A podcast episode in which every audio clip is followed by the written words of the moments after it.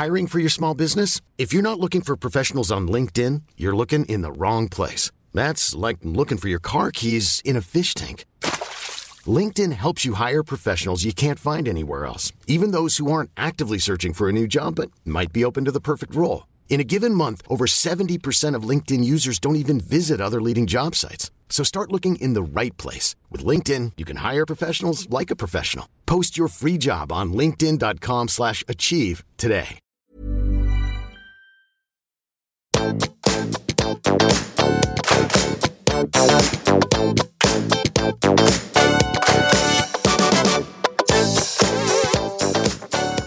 alle sammen, og velkommen tilbake til podkasten Karriereveiledning med Elaine. Og jeg har virkelig gleda meg til å dele denne episoden her, fordi jeg har med en veldig unik gjest.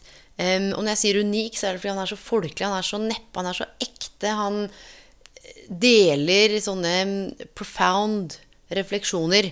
Og ukens gjest er Pekka Lundefare. Og helt innledningsvis i karriereportrettet så spør jeg han Husker du hva du ville bli når du var liten? Og da svarer han at Jeg husker jeg fikk det spørsmål, først, altså spørsmålet da jeg var liten, men jeg likte det ikke noe særlig. Fordi det å spørre om hva man skal bli, altså betyr det da når man var liten at man på en måte ikke er noen ting, eller er nok? Så det har vi noen veldig interessante refleksjoner rundt. Pekka han var et multitalent innenfor idrett, men en skade, en idrettsskade gjorde at han ble erklært idrettsinvalid og spådd en fremtid i rullestol. Eh, han fikk også beskjed om å gå og trygde seg. Men Pekka han tenkte 'glem det', eh, og han jobba beinhardt med å få kroppen sin på plass igjen. Starta sin egen bevegelsesfilosofi, treningsfilosofi. I tillegg så har han kjørt og kjører rally. Han har verdensrekord, Guinness-rekorder. Han trener også bl.a. Vinni og Solberg-brødrene som kjører rally. I tillegg så har han kjøpt opp et par treningssentre, eller utvida treningssentre, og det siste tilskuddet på stammen der er noe som heter Puls samfunn, som handler om å gi tilbake til lokalsamfunnet. Um, han har også gitt ut barnebøker som har solgt som hakka møkk. Ja, vet du hva, Dere må bare bli med inn på denne livs- og karrierereisen til Pekka. Det er så mye varme, gode, kloke refleksjoner. Det blir noen emosjonelle stunder underveis. Vi snakker om traumer, og vi snakker om livsvalg, karrierevalg, og det rett og slett å navigere seg rundt i this so-called life. Så mine venner, god lytt. Håper dere virkelig kan hente noe ut av denne episoden.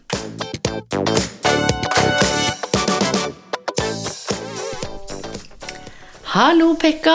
Her er du. Du sitter faktisk to meter fra meg på kjøkkenbordet. Altså, du sitter jo ikke på kjøkkenbordet, men du sitter i hvert fall på kjøkkenet mitt. Velkommen til podkasten. Takk. Hva tenkte du om å være med på den her, da? Vi har jo prøvd å få det til et par ganger. Ja, du har jo spurt meg før Ja. eh, hva jeg tenkte om det. Jeg har vel syntes det har vært kult, da. Ja. Så jeg har gleda meg. ja. Du er ikke nervøs, redd, skeptisk? Nervøs? Nei, det er jeg ikke. Jeg er liksom mer sånn spent på hva jeg har å av, altså avlære. På det. Du, det er jo sånn at du er en av de jeg kjenner som har gjort utrolig mye forskjellig opp gjennom din karriere. Og den Ja. podkasten her, altså Jeg liker at du kaller det kar- karriere. Ja. For da får meg til å liksom virke så mye mer sånn stødig at jeg faktisk har valgt dette sjøl, liksom. Ja, men det som er interessant... Når jeg var 30, da skulle jeg sitte på en gressklipper. Nei, men, ja, men, ja, og dette her er interessant, fordi før når man kanskje tenkte jobb eller karriere, så var det nettopp dette at man kanskje tok et valg for livet, alt var så bevisst. Men karrierebegrepet nå, i hvert fall fra karriereveiledningsteoriens perspektiv, er at det er et helt sinnssykt vidt begrep. Ja, hva Karriere. betyr egentlig karriere? Nei, men det er jo det jeg sier til folk, at det må man innholdsdefinere sjøl. Det finnes jo en Sjæl. definisjon. Ja, Ja, sjæl. Du må tenke sånn, hva legger jeg i begrepet karriere? Fordi For noen så er det å være hjemmeværende mamma, eller hjemmearbeidende mamma. Mm. For noen så er det å ta vare på syke foreldre. For noen så er det å jakte direktørstillingen. For noen så er det å kjøre buss. For noen så er det å jobbe frivillig. Mm. For noen så er det å jobbe deltid.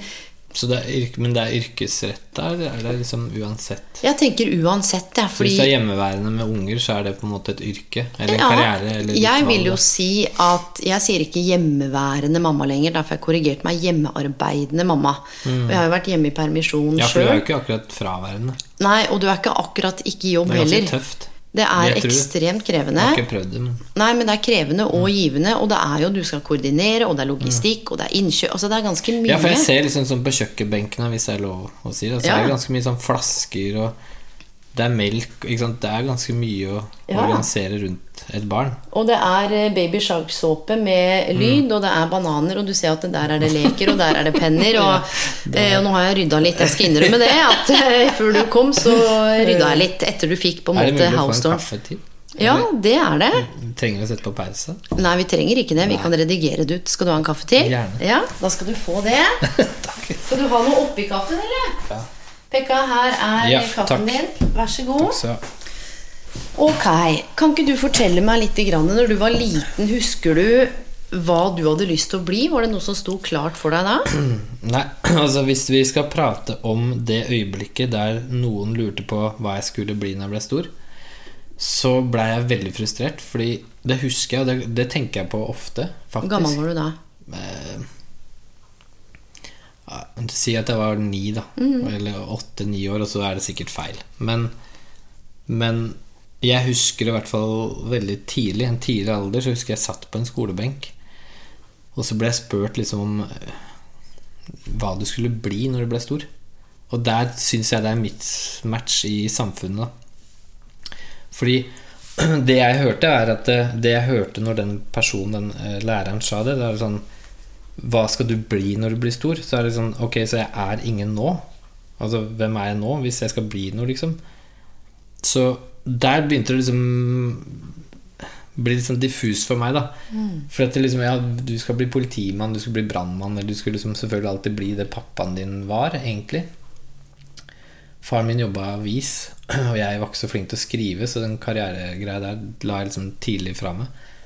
Men jeg forsto aldri der hva jeg skulle bli når jeg ble stor. Altså jeg, jeg hadde liksom nok med å prøve å finne ut av hvem jeg var. Jeg hadde jo en leppe i trynet som Jeg ble mye mobba. Eh, broren min ble mobba. Så jeg hadde helt andre ting som farte gjennom huet mitt, så jeg syntes det var et veldig vanskelig spørsmål. Klarte du å uttrykke uttrykke at det var et vanskelig spørsmål? Ja, for jeg sa at jeg hadde lyst til å bli flyplass. Ja. Og da stoppa liksom den. Da fikk jeg ikke noen flere spørsmål om det der, for jeg var så lei det. Jeg skal bli en kjent bok. Liksom, Jeg bare var lei. Jeg var drittlei det spørsmålet. Jeg ble sint når jeg fikk det. Men da fant du en måte å på en måte stoppe det på og plassere det på. Og jeg tror det du tar opp nå, er så akkurat det du sa. Jeg kjente jeg fikk frysninger. Når vi spør unge voksne eller barn hva de skal bli, så implisitt så er det ingenting. Nei, det var sånn jeg følte meg. Og jeg hadde jo nok med selvbildet mitt og leppa og følte meg stygg. Ikke sant? Og hadde masse andre issues da som var langt mye viktigere. Så for meg så handla det om å finne ut hvordan jeg skulle bli trygg, eller hvordan jeg skulle Jeg spilte fotball. Jeg elska jo idrett, så jeg hadde jo lyst til å bli fotballspiller. Men ikke for å bli proff. Jeg, ville liksom, jeg ville bare drive med fotball. Jeg ville løpe. Jeg var veldig rask, så jeg hadde lyst til å løpe. Men det ble liksom aldri på en måte underbygd, liksom det at det var lov den gangen. da Det har sikkert endra seg nå til å satse idrett eller For det var liksom ikke en karriere som var respektabel når jeg snakka om det i ung alder. da Men jeg var jo veldig rask, og jeg kom jo på landslaget i sprint på et eller annet tidspunkt. Og jeg var jo på vei til å bli fotballproff før jeg ble skada, og jeg var på bokse på vei til å slå gjennom i boksing fordi jeg jobba hardt. da og jeg elska jo bevegelse, jeg elska jo fysisk ut Altså, det å spille fotball i friminuttene, det var liksom sånn fristed. Mm. Løpe, ikke sant, uansett, da. Og det var aldri, ble liksom aldri tatt opp som noen sånn type karrierevalg, eller hva du kaller det. da. Det var liksom Det var mer sånn advokat, politimann, brannmann. Så jeg syns jo det er altfor lite fysisk utfoldelse i skolen. Altfor mye sitte stille på stolen og lære altså, teoretiske fag. Da. Og da tror jeg det er vanskelig å finne ut hvem du er, eller hva du vil bli, hvis du ikke liksom har en connection mellom de to uh, polene. Så det var liksom en sånn greie for meg, da. Men var det sånn at det var fokus på at du skulle mestre skole? At det var en sånn derre Her må man liksom For du sa dette med at du var ikke særlig glad i å skrive, eller kanskje opplevde at du ikke mestra å skrive. Men var det sånn at du ble pusha på skolen? At det var karakterfokus? For det er jo det i stor grad nå. Nå snakker vi kanskje ikke barneskolen, men vi opplever et økt press i samfunnet på krav, og alle skal ta høyere utdanning, og um, Det var kanskje ikke like mye fokus på det da, men var det sånn at de, eller noen, eller lærere, eller noen av foreldrene dine, liksom Hvor du fikk høre at skole, det er liksom det viktigste? Eh, Jeg tror ikke Altså, faren og moren min var veldig rause med meg, fordi Altså, jeg var jo litt jeg Skal si annerledes, er det feil å si? Jeg trodde jo sjøl jeg hadde en veldig streng lærer. Det trodde jeg til ganske voksen alder. Det tok jo lang tid før hjernen min utvikla seg til å bli fra reptilhjerne til noe annet. Så jeg levde vel litt i min egen verden ganske lenge, og det var hyggelig, det, tror jeg. Men, men det tok litt tid før jeg liksom skjønte at eh, hun læreren som jeg trodde var veldig streng med meg, hun var visst ikke så veldig streng. Fordi jeg kunne ofte visstnok gjenfortalt gå inn i andre klasser og delta i deres timer. Og det var veldig uvanlig. Så hvis jeg ville ha engelsk, så gikk jeg inn i engelsktimen til B-klassen. Visstnok. Jeg husker ikke så mye av dette sjøl, men jeg er blitt gjenfortalt.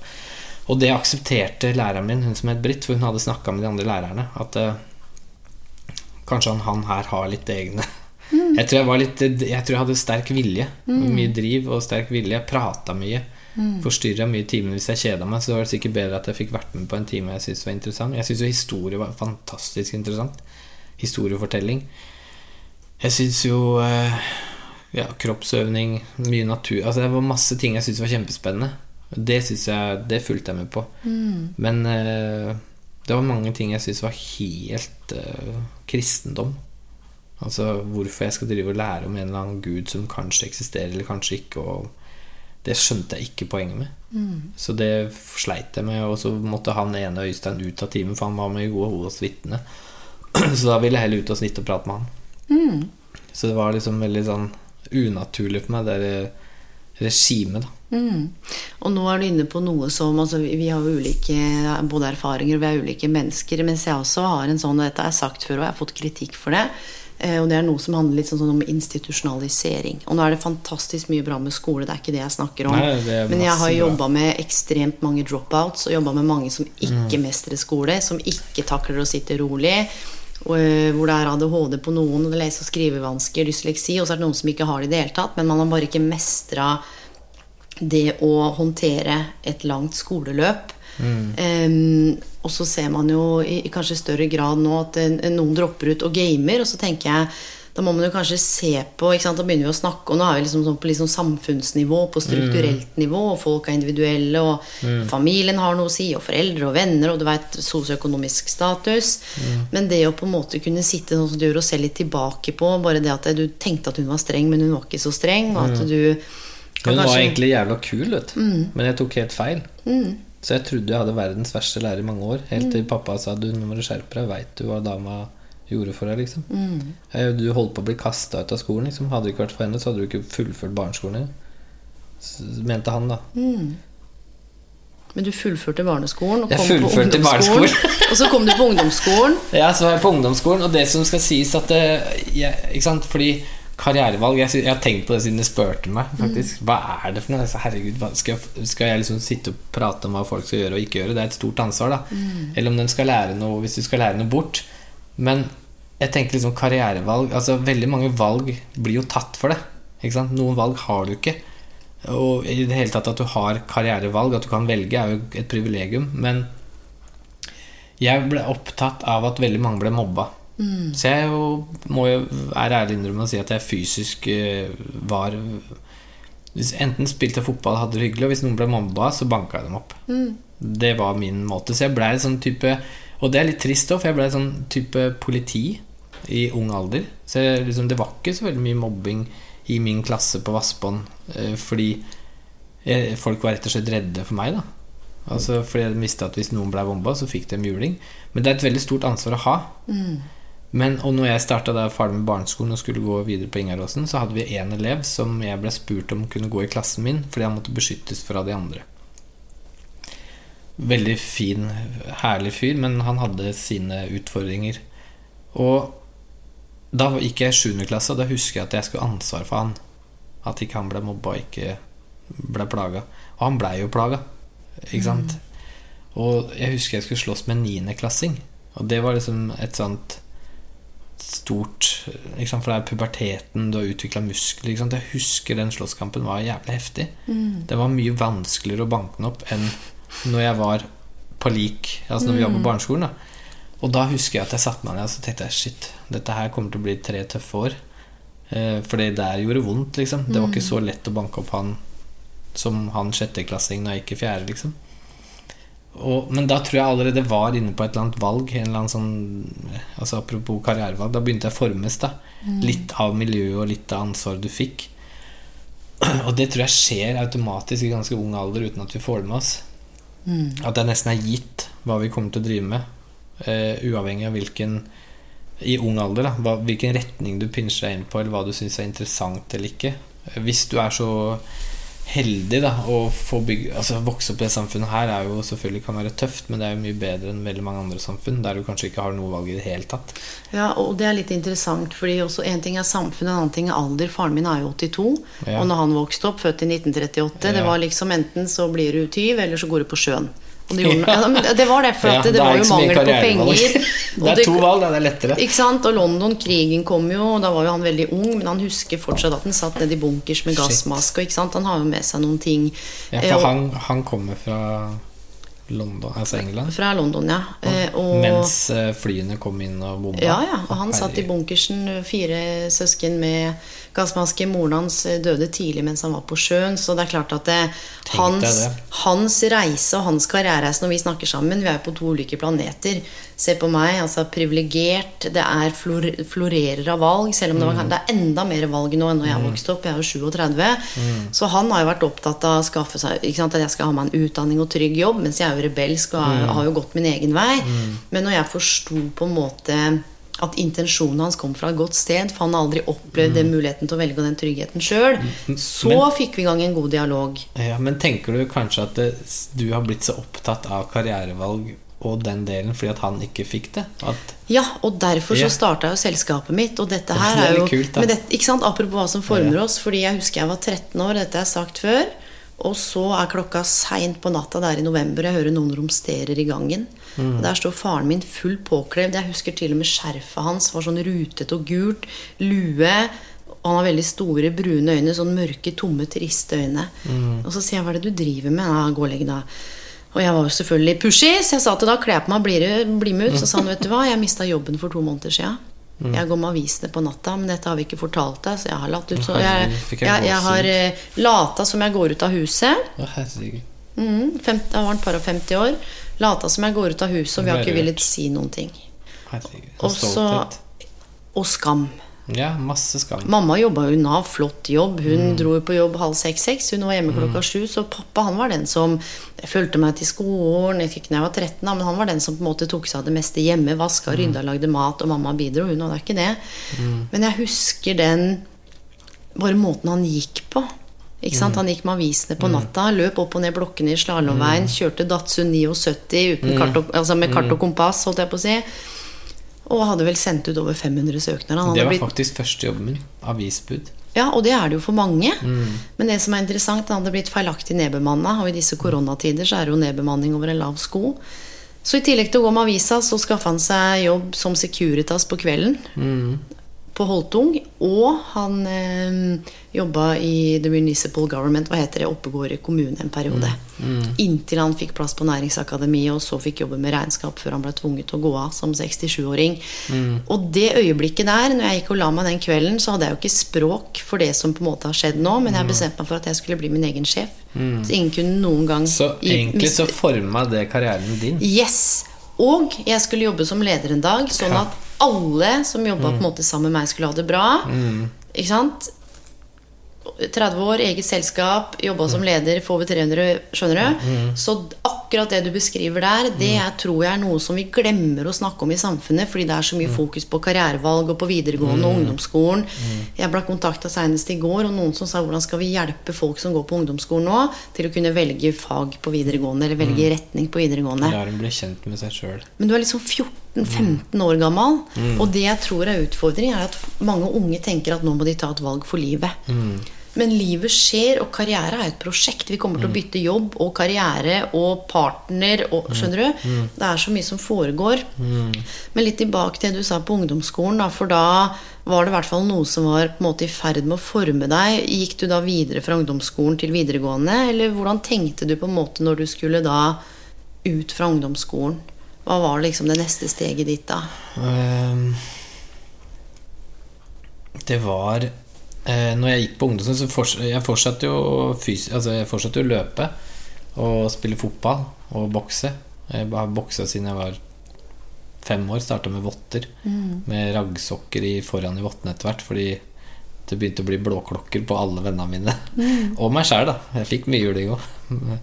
Så pappa kjøpte boksehansker etter hvert da, til meg og broren min, og det var smart. For han var livredd for at de skulle slå ut tenner og alt mulig, og fikk tannbeskytter etter hvert. Sånn. Så det var fortsatt mye idrett, det var fortsatt mye fotball. Og, så jeg hadde jo litt sånn håp om at jeg skulle overleve som en profesjonell fotballspiller på landslaget i sprint og bokser. Det var liksom Det var strategien min. Var det Men- noen som sa deg imot, eller sa du dette er høyt, eller var det bare noe du tenkte i eget hode at dette var kanskje veien din å gå, eller var det noe du på en måte proklamerte når folk spurte, da? Det husker jeg ikke. Egentlig. Grunnen til at jeg spør, er fordi av og til så får man jo noen ideer eller tanker for seg, og så sier folk 'nei, men det går ikke, vet du', 'nå må du tenke sånn og sånn', eller at det kommer noen og sier 'vet du hva, jeg støtter deg'. det opplevde jeg aldri en, Jeg tror ikke jeg opplevde Jeg har utrolig flaks med hvor jeg havna inn. Ja. Egentlig, for jeg har hatt alltid mange sånne der heiere. Mm. Faktisk. Jeg har vært veldig privilegert der. At folk har heia på meg. Mm. Og om de syns synd på meg, eller hva det var, vet jeg ikke. Men jeg opplevde i hvert fall at de heia på meg. Men jeg var jo raskest på skolen. Jeg var eh, Pappa Jeg vet ikke hvor mange fotballtreninger han har vært på. Altså, Mm. Men eh, at han har stilt opp på 2000 fotballtreninger liksom, og vært fotballtrener. Og, ikke sant? Så jeg har, vært, jeg har vært så privilegert når det gjelder det fysiske. Da. Fått lov til å liksom Han hadde trua på meg som fotballspiller. Han hadde trua, han hadde trua på meg med alt. Da. Men, så jeg opplevde veldig sånn tidlig at eh, noen hadde trua på meg. Og Ja. det tror jeg er viktig. Uansett hvordan livet tar det. Helt enig. Der er jo du også helt ekstremt flink, syns jeg. Husker du Hver gang jeg har møtt deg, så har du alltid heia. Sånn, hvis det har vært innom et lite tru- 20 sekunder, 30 sekunder ja, du, du fremsnakker, fremsnakker folk, da. Og det å havne i et miljø der folk fremsnakker det, det tror jeg nesten er en suksessoppskrift. Som er mye sterkere enn det vi tror. Altså Har du én som har trua på deg, så kommer du ganske langt. Ja, og jeg tror det der gjenspeiler Og takk for komplimentet, det skal jeg ta til meg. Og så tror jeg det gjenspeiler noe av det Når du snakka om dette med mobbing, så, så kjente jeg også tidlig på et ansvar for de som blei mobba. Og jeg var jo jente, men mamma hun sa til meg Hun var nok litt for tøff i oppdragelsen. Det har jeg sett i etterkant, hvor jeg har måttet jobbe med noen ting. For hun sa det at eh, hvis noen gjør noe med deg, eller mot noen du bryr deg om, så sa hun så ta igjen. Ikke finn deg i noen ting. Og i første klasse så fløy jeg jo på en femteklassing. Så andre skoledag så måtte jeg inn til rektor. Men jeg fikk en sånn naturlig rolle hvor jeg tok vare på, ikke fordi jeg syntes synd på, men fordi jeg var nysgjerrig på mekanismene. Og jeg hadde jo ikke ord for det da, men hva er det som gjør at noen blir mobba? Hva er det som gjør at noen mobber? Jeg husker spesielt godt én gang så hadde alle guttene samla seg, dette var på ungdomsskolen, for å dynke én kar. Og jeg husker det at vi gikk ut sammen, og folk begynte, og dette bare klikka for meg. Og jeg spilte jo fotball også, jeg hang jo mye med gutta, så jeg hadde nok litt respekt. Men det derre sånn systematisk mobbing over tid, og hva det gjør med folk, også også kan påvirke karrieren. Og det var der det slo meg akkurat det du be, det snakker om nå, hvorfor jeg kanskje jobber med det jeg gjør òg. At noen ganger så opplever jeg at jeg sitter i møte med folk og må ha troa på de, eller velger å ha troa til de får den troa sjøl. Og, og hvis man skal snakke om hva det som gjør at jeg elsker å jobbe med det jeg gjør, det er når du ser at den gnisten blir tent. At folk skjønner at Ok, jeg er ok. Så hvis noen kommer hit der med karrierevalg, da, mm. og hvis de går ut da og tror på seg sjøl, da har du gjort det viktigste. Og, og jeg trenger ikke karriereveiledning. handler ikke om at jeg skal si vet du hva, Pekka, nå gjør du sånn og sånn. Dette er din egenskapelige interesse, så nå må du gjøre det. Det handler om den samtalen vi har nå. Det handler om perspektivbelysning. Det handler om å få fram dette med hvilken verdi opplever du at du har. Hvem er det som støtter deg? Hvordan er det ting i samfunnet påvirker deg? Hva er det du lar påvirke deg? Hvordan håndterer du utfordringer? Hvilke tanker gjør du deg når du ser inn i fremtiden og din rolle? Altså, Det er masse sånne ting som jeg tenker er viktigere enn her har du ti jobber, jeg tror du kommer til å lykkes som revisor. Hva faen veit jeg om det? Skjønner du? Jeg kan ikke spå framtiden, og det kan ingen av oss, men jeg tror det bare grunnleggende å tro på at det er noe iboende i oss alle. Men at vi trenger noen andre som kanskje kan lokke det frem, eller hente det frem når vi ikke har den troa sjøl. Og foreldrene mine har heller aldri pusha meg. Fatter'n har vært litt opptatt av høyere utdanning. Ehm, men de har bare trodd på meg uansett. Jeg har jo sagt opp lederstillinger, starta på nytt. Og jeg sa det, jeg vasker gulv, jeg. Eller eh, kjører taxi hvis ikke jeg lykkes med det jeg gjør. Men jeg veit at jeg kan ikke være i den jobben jeg er nå lenger, for jeg har det ikke godt. Så, og, og det er så mye som påvirker karrierevalg, men det er en sånn Vaske gulv er noe av det morsomste jeg gjør. Bare så by the way. Ja, og det en gjør jeg hver, ikke hver mandag, men vi vasker jo på i pulssystemet. Ja, men det er en viktig jobb. Tenk deg hvis vi ikke hadde Så hatt deilig å bare vaske og fokusere på det, og ikke alt annet. Nei, men, og nå tenker jeg vi er inne på noe, fordi du snakker om dette med, med støtte. At folk som heier på deg.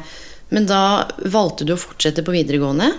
Eller har du Ja, altså jeg hadde jo troa Eller jeg har fått troa på meg sjøl gjennom andre. Altså jeg, jeg har vært veldig heldig med de rundt meg som har trua på meg. Og så ville jeg gå videre med eh, Jeg ville alltid drive med idrett og fotball og sånn, for jeg ville jo den veien der også. Men jeg ville jo veldig mye. Eh, og så yrkesfag ble veldig Jeg var med onkelen min og snekre litt, og han gikk med sånn snekkerbukse, husker jeg. Sånn der, Og jeg tror det er så enkelt, da. Nå skal jeg bare ta et eksempel. Men han gikk med sånn snekkerbukse med hammeren i sidelomma. Og han så ut som en cowboy med hammeren, som er en sånn type pistol. Så jeg tror det var så, så teit da at hjernen min bare tenkte at han var kul. Han går med snekkerbukse og sammen med jeg også, og så jobber han med kroppen. Perfekt. Så tenkte jeg jeg blir tømrer. Og så ville jeg inn i militæret. Det husker jeg ganske tidlig at jeg ville. Jeg ville liksom inn i militæret, og jeg ville gjerne ut i utlandet og gjøre en forskjell. Altså jeg ville jobbe militært eller på en eller annen måte. Jeg veit ikke hvorfor, men jeg har alltid vært interessert i det òg. Det har jo selvfølgelig noe med mobbing og beskytting og, og sånn å gjøre. Og så så blei jo liksom veien til Så jeg fullførte jo da ungdomsskolen, og så hoppa inn i eh, Reform 94, husker jeg. Reform Husker jeg. 94 var det. Og da var det jo grunnkurs byggfag og VK1 tømrer. Og der igjen møtte jeg jo meg sjøl i døra. Eller sånn Der også oppsto det alltid sånne konflikter som jeg syns er veldig vanskelig. For det var Det var Jeg husker at det, det var en på skolen min som ikke fikk lov til å gå videre i læra, for han hadde stryket engelsk. Men han var så flink til å tømre. Altså han var Når jeg og han tømra ved siden av hverandre, så var det flaut, liksom. Han, jeg lagde en verktøykasse som var greit, den funka, men han, han fletta og han holdt på. Det, bare, det ble et smykke, da. Og så bare Han fikk ikke gå videre. Han måtte ta engelsk på nytt. Men når han skulle snakke høyt engelsk, så rødma han og begynte å stamme. For han syntes det var så flaut å stå foran mennesker og prate. Da. Og da husker jeg jeg hadde en diskusjon med læreren min at ja, men du må jo sende han til læra. Altså Han er den beste av oss, liksom. Han kommer til å tømre rundt oss. Eh, og han møtte jeg noen år seinere. Han hadde ikke tatt fagbrev eller mesterbrev, men han jobba som tømrer. Han hadde ett års venteliste, for han drev med sånn eh, type spesiell bekledning og lafting og sånn, som ingen andre gjør. Så det også var jo ganske morsomt, da. Så Nei, så fullførte jeg det, men igjen så har jeg alltid vært interessert i trening. Alltid interessert i løping, trening, boksing. Og spesielt bevegelse. Jeg har alltid elska å se på mennesker når de beveger seg. Sånn som Carl Lewis og Ben Johnson, Mike Tyson, Bruce Lee. Hva som gjør at du er så fascinert av det, da? Jeg veit ikke. Jeg tror kanskje det var fordi jeg var skeiv i beina sjøl. At jeg var veldig hjulbeint og kalvbeint ehm, og alt mulig. Og så husker jeg bestemor Mari, eller ene bestemoren min, sa at når du går i snøen, Pekka, så er det ene beinet går liksom mer inn enn det andre. Og da var jeg veldig ung, da. Så begynte jeg å fokusere på at de beina måtte gå rett. Og så bestemor på andre siden, bestemor Tutta, som jeg kaller henne, Else, hun begynte å si at du, det ene beinet ditt heller nedover. Så, ok, så måtte jeg rette opp det. De hadde veldig spesielle bestemødre. Ja, Og så, så da ble jeg forma av de òg, så ble jeg interessert i det. Og så husker jeg så Ben Johnson i Seoul 19, 1988, da var jeg ti år, og da så jeg at han var bola. Og det er ganske tidlig å si når du er ti år, for jeg så at strukturen på skulderpartiet hans hadde endra seg fra et løp bare noen måneder Wow. før i Canada. Og da tenkte jeg han der jukser. Og så slo han Carl Louis, og Carl Louis var mitt fremste idol. Altså Jeg klipte meg som Carl Louis. Og så Så jeg var opptatt av bevegelse og trening. Det har jeg vært hele tiden. Så gikk jeg da gjennom tømrer, altså VK1, nei, grunnkurs VK1, og så skulle jeg ta påbygning på Ås. Og da var jeg skolelei. Da merka jeg Nei, jeg gikk i lære. Jeg gikk i læra litt, Rann, og jeg gikk i lære et, års, et halvt års tid eller et års tid, og så røk jeg skulderen. eh, I boksing. En boksetren... Ja, det var, stemmer det. Så jeg røyk skulderen, så jeg måtte opp, den sleit jeg med lenge, så måtte opereres flere ganger. Eh, og det var litt vanskelig å stå med hammer og ha en skulder som ikke fungerte. Så da måtte jeg ta påbygging på oss. Eh, og påbygning for å få studiekompetanse, er ikke det det heter? Og da var jeg skolelei. Så da var jeg egentlig ganske ferdig med skole. Så, men igjen, jeg hadde veldig fine lærere som Jaså, Lundefare, du farer innom. det var liksom Jeg fikk liksom mitt eget system i kaoset. Eh, om jeg, fullf jeg fullførte, men om jeg besto alle faga, det er jeg litt usikker på. Så om jeg har studiekompetanse eller ikke, det er jeg litt, faktisk litt usikker på. Det fikk jeg ikke helt med meg. Men er det noe du Sett at du nå skulle oppdage at du ikke har studiekompetanse, er det noe som ville plaga deg nå? Uh, nei, det vil ikke plage meg, men jeg har alltid sett opp til de som studerer. Okay. Siden jeg aldri har fått det til sjøl. Men er det, er det, hva handler det om da som gjør at du ser opp til de som studerer? Sikkert noen mindreverdighetskompleks. At eh, det å ha studie, studiepoeng, være akademisk eh, liksom, Det er Jeg har alltid sett på det som noe stort. da Mhm.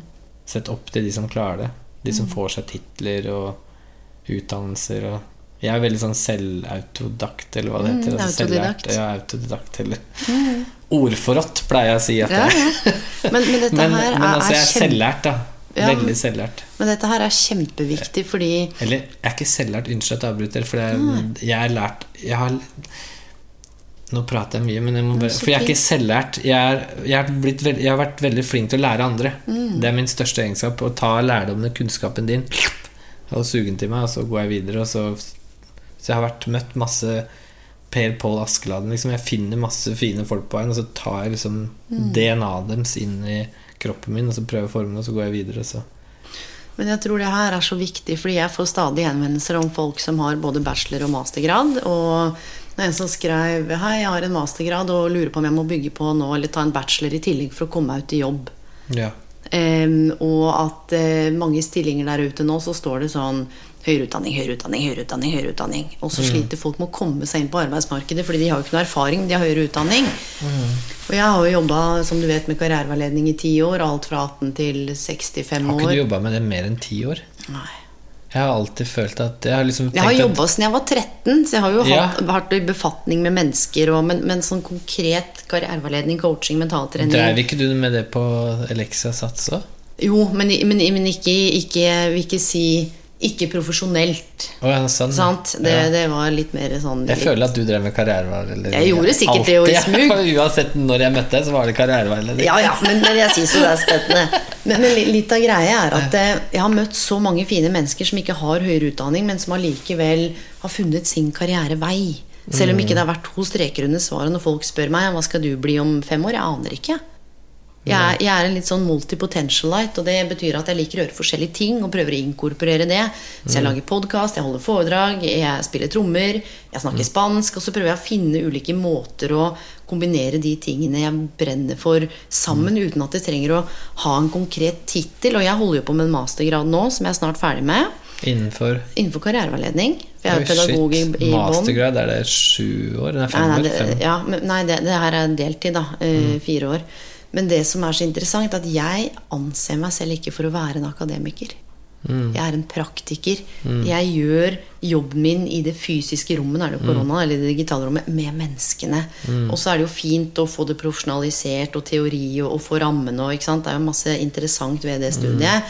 Men jeg har ikke tro på å lese en bok om karriereveiledning og så bare slenge den i ansiktet og si at sånn gjør vi det. Her er teorien, her er modellen. Og så er det ikke noe rom for nysgjerrighet, åpenhet, fleksibilitet. Så jeg tror hvem man blir i møte med andre, er jo det som er mest sentralt. Ja, for det jeg lurer på, er liksom Steve Jobs. Han gikk vel aldri til en karriereveiledning, som er verdens største firma. eh, Mosk, liksom, eller hva han heter, og Røkke.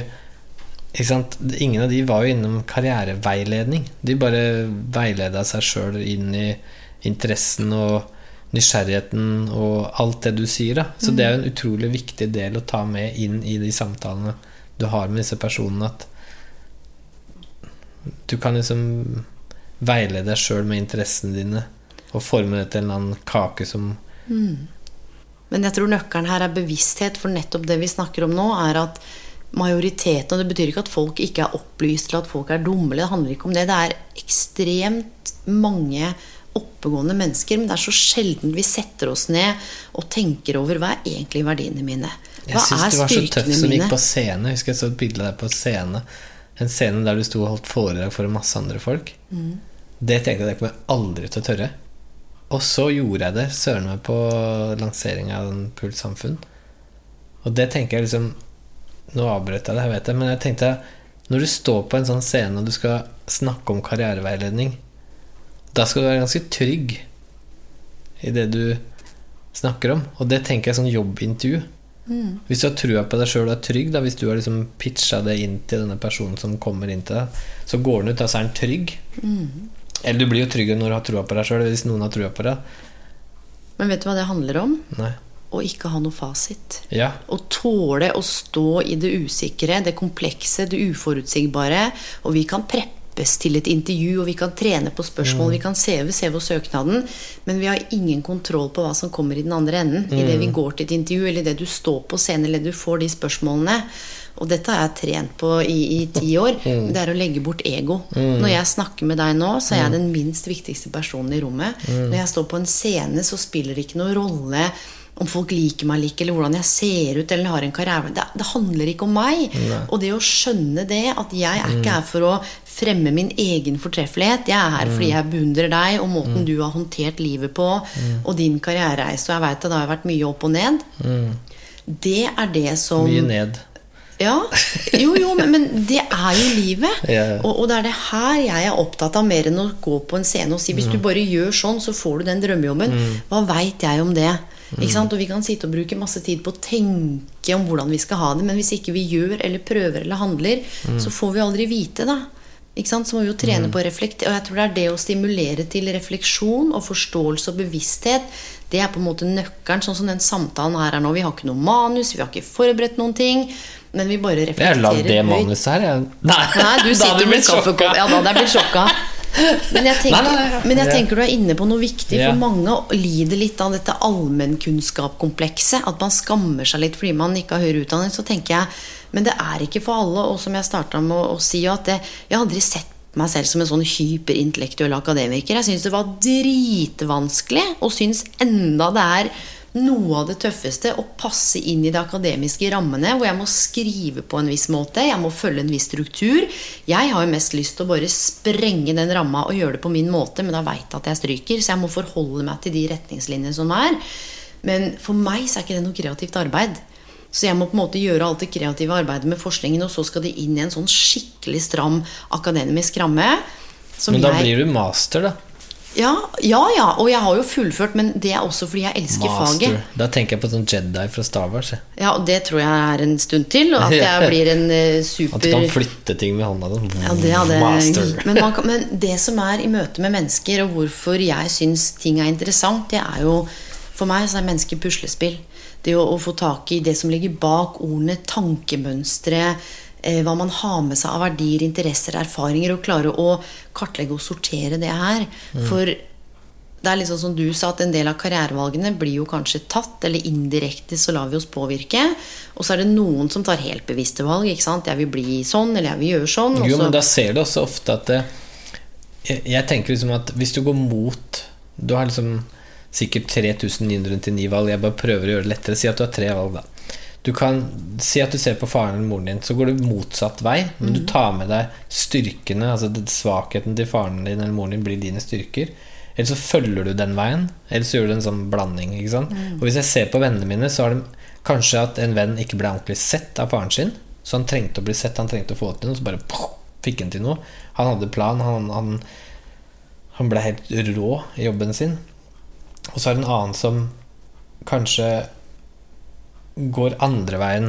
Ikke sant? Jeg syns det er så spennende, de mekanismene der.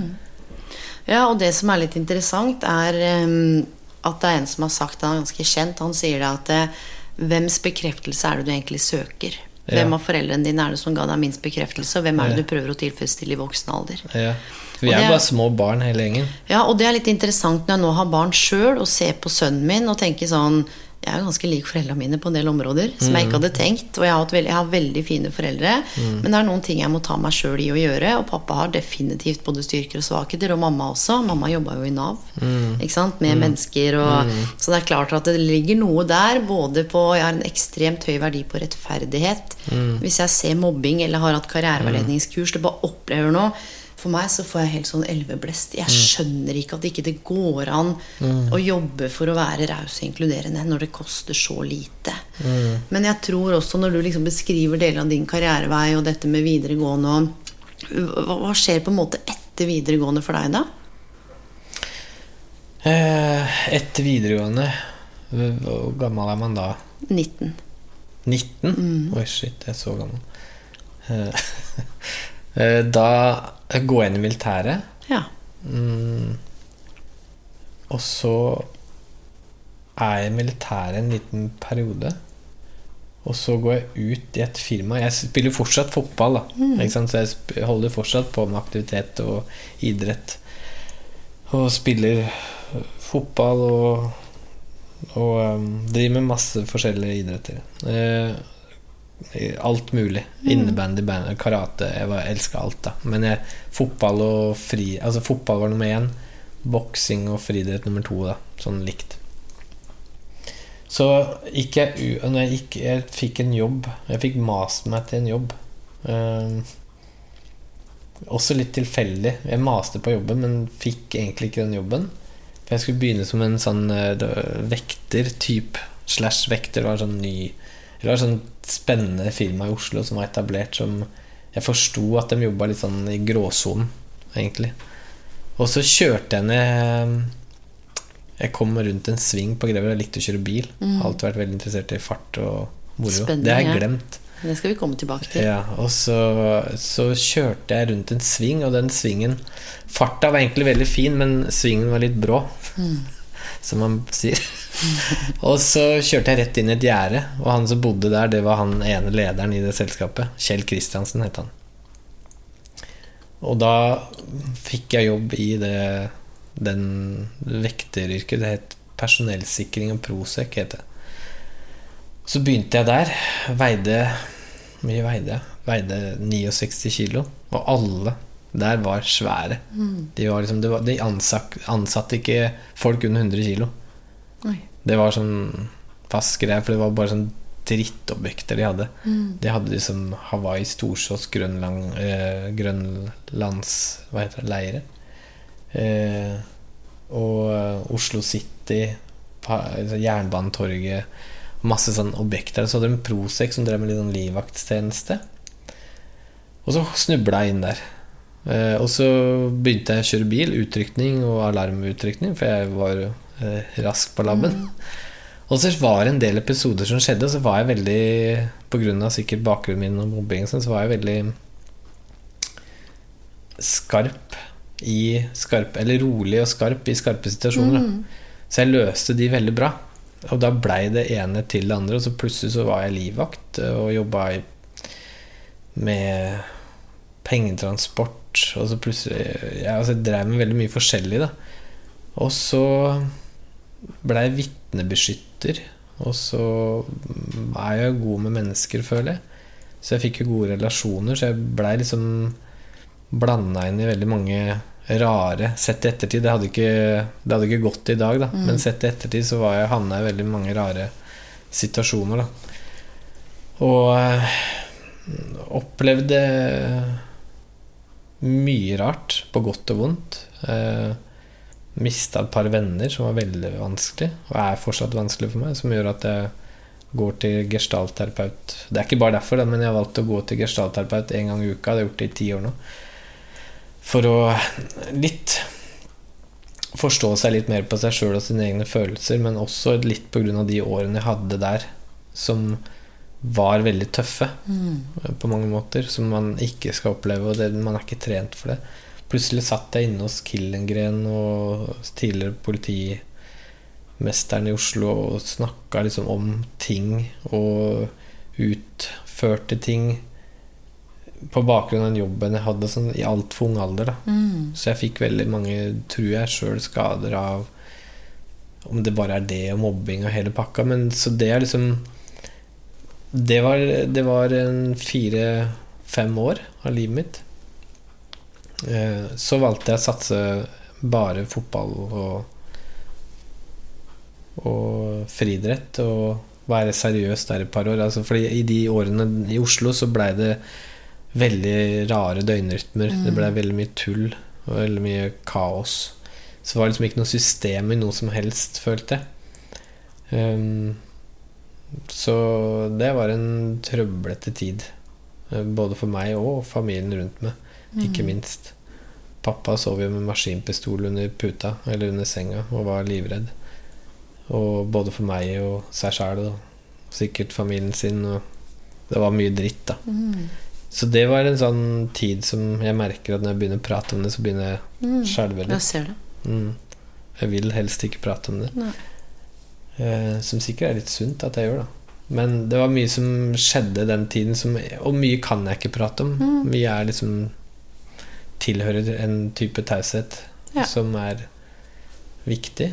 Mm. Eh, så det prega meg nok. Så jeg har prøvd å oppleve Jeg tror jeg prøvde å liksom reskape ungdomstiden min, eller de, de årene der som jeg ikke fikk, på en eller annen måte. Har jeg sett tilbake i ettertid. Så eh, Nei, det var det, og så Etter eh, så bestemte jeg meg for å liksom satse fotball og idrett, og jeg tror jeg har et Jeg veit ikke om det er fordi at jeg har jobba og trent mye, eller om jeg har hatt et naturtalent, men broren min har alltid ment at jeg datt i gryta da jeg var liten, sånn fysisk. At jeg jeg føler at jeg har vært mye fysisk og trent veldig mye, men han mener at jeg tar ting veldig lett fysisk. Da. Der er jeg fortsatt ikke helt sikker på om hvem som har rett. Om det er pga. at jeg har vært mye fysisk, eller om det er at jeg er fysisk rusta. Så etter den delen der så havna Så begynte jeg med fotball og, og idrett og, og sånn, og gjorde det veldig bra. Og fikk tilbud fra Kjelsås, skulle prøvespille for Vålerenga. Det var bokse, sprintlandslaget osv. Og så ble jeg, og fikk jeg meg en ordentlig trøkk i en fotballkamp. Og fikk et brudd i et bekken. Altså støttebein til bekkenet. Og ble da muskulært lam i uh, høyrebeinet. Og det var jo krise for meg, husker jeg. Apropos karrierevalg. Ja. Men, men det her er kjempeviktig, og jeg skal bare si det fordi Nå skravler jeg veldig mye. Nei, nei, men dette her Det er jo din stemme som skal fram, og, og din karrierereise og dine tanker. Men jeg skal bare si jeg jobba med en som spilte fotball på høyt nivå. Eneste vedkommende hadde drømt om, skade, ute. mm. Og den Det er litt sånn som pensjonere seg. Ja, men, men det kan nesten klassifiseres som en traume. Ja, det tror jeg på. Fordi identiteten din og interessene og alt det du har jobba for og stå for, det blir bare revet bort. Hvem er du da, liksom? Og så skal du begynne å reetablere og Ja. redefinere og reorientere deg. Det var et kaos. Der sleit jeg. Husker jeg Det var en veldig trøblete tid. Jeg nekta å innrømme det. det Snakka du med noen om det? Jeg gikk til en psykolog. Jeg husker hun jeg var sammen med da hun Jeg, jeg gikk til en psykolog og hadde noen timer, men det var ikke bare pga. det. Ja. Det var mange ting som eh, Men Men det, jeg, jeg nekta liksom å innse det. Men du måtte jo rehabiliteres, måtte du ikke det da? Jo, jeg fikk jo Og så er det jo disse pedagogiske folka innenfor helsevesenet, da. Noen er jo flotte. Jeg har Herregud, Morten Berner, Rikard Lunde Det er masse fine mennesker innenfor helsevesenet, ikke det, men det er også noen idioter som bare skulle ikke bare Jobba annet. karrierevalg, men ja, de skulle hatt litt Men det ser man, det kan man treffe flere steder. Folk som Ja. jobber med mennesker som egentlig burde sitte aleine Så på et dette her var første beskjeden min. Ja. Første beskjeden min etter at jeg har tatt røntgen og masse rart. Da. Ja, eh, det beste er hvis du går og trygder det. Dette er ikke fleip, altså. Det var ordene jeg fikk. Jeg husker kontoret jeg satt på. Jeg skal skåne han mannen som Ja, sa det til meg. det, gjør det. Men jeg skjønte ikke bæret. Ikke sant? Bare trygde meg. Jeg visste jo ikke hva trygde Altså, Faren min jobba riktignok på et trygdekontor i gamle dager, men Ja, jeg, ja. trygd, hva, hva mener du? Jo, for hvis du liksom utfordrer dette her, da, så kan det bli verre, og det kan bli et avkapp i ischiasnerven, og du kan bli permanent lam. Da. Så jeg skjønner jo alvoret. Men jeg forsto jo Det var så liten tid. Det var så liten Du har liksom 20 minutter, 30 minutter, og inn skal du, og så skal du ut og være trygda. Og, jeg, liksom, jeg gikk jo riktignok med krykker. Um, og det som var veldig rart da, da Kenta var fotballtreneren min da, og uh, jeg tror det var han som var fotballtrener. For de, de, de så jo at jeg sleit, da. Ikke sant? For jeg, beinet svikta jo av og til, og det begynte liksom det var- Skranta litt. Det var skranta litt. Det var litt vanskelig å skjule det. I fotballkampen så ble jeg plutselig stående litt stille, for jeg så at nå funka ikke beinet. Og så prøvde jeg liksom å dra på plass liksom nattverden og apropos bevegelsens filosofi, Og så ble jeg til av dette her, da. Og så liksom prøvde jeg å løpe litt, og så, ah, så Ikke sant? Så det var jo veldig vanskelig, da. Og så gikk jeg til han og så spurte han ja, hvordan gikk det. Og jeg bare nei, det gikk kjempefint. Det var bare å kjøre på videre. Jeg tok en løgn, da. Ehm, så jeg innså jo ikke helt det at jeg var trygda, eller at jeg skulle bli trygda. Apropos karrierevalg, da. Så da Tenk deg hvis du hadde bare sagt ok, da går jeg og trygder meg, da. Da tror jeg jeg hadde tatt livet mitt. Altså, det tror jeg. Det, det, det fysiske utfoldelsen for meg var Alt. alt, liksom. Eller veldig, veldig mye, husker jeg. Det var liksom mitt fristed. Eh, så Men fikk du, fikk du utfolda deg noe fysisk med beinet hjemme, eller fikk du trent og altså, hva, hva som gjorde at du tenkte at ok, nå aksepterer jeg det? For det er jo det det handler om ofte, den erkjennelsen at nå er det det det er. Og for ofte så er det jo det der gapet mellom hvordan vi skulle ønske at det var, og hvordan det faktisk er. Det er ganske svært. Og i det så kan det oppstå både angst og frustrasjon og depresjon. Så det der å akseptere og bare tenke at det, nå er det akkurat det det er. Når vi snakker om det, du nevner at det er en traume, så snakker vi om det. Og nå som vi snakker om det, så holder jeg på å begynne å grine. Det er veldig rart. Jeg kjenner i brystet. Så det er nok en traume som helt klart ligger der. Men jeg tror aldri jeg Jeg ville liksom ikke innse det. Så jeg nekta liksom for at det var tilfellet. da. Hva gjorde du for å komme deg videre da? For du måtte jo det på et eller annet Da tidspunkt. gjorde jeg så mye rart. Ok. Altså, du fikk ikke tro det. det jeg tok eh, snekk Du vet Du vet sånn eh, Og igjen så møtte jeg masse fine mennesker. Jeg tok det beste fra bestemødrene mine.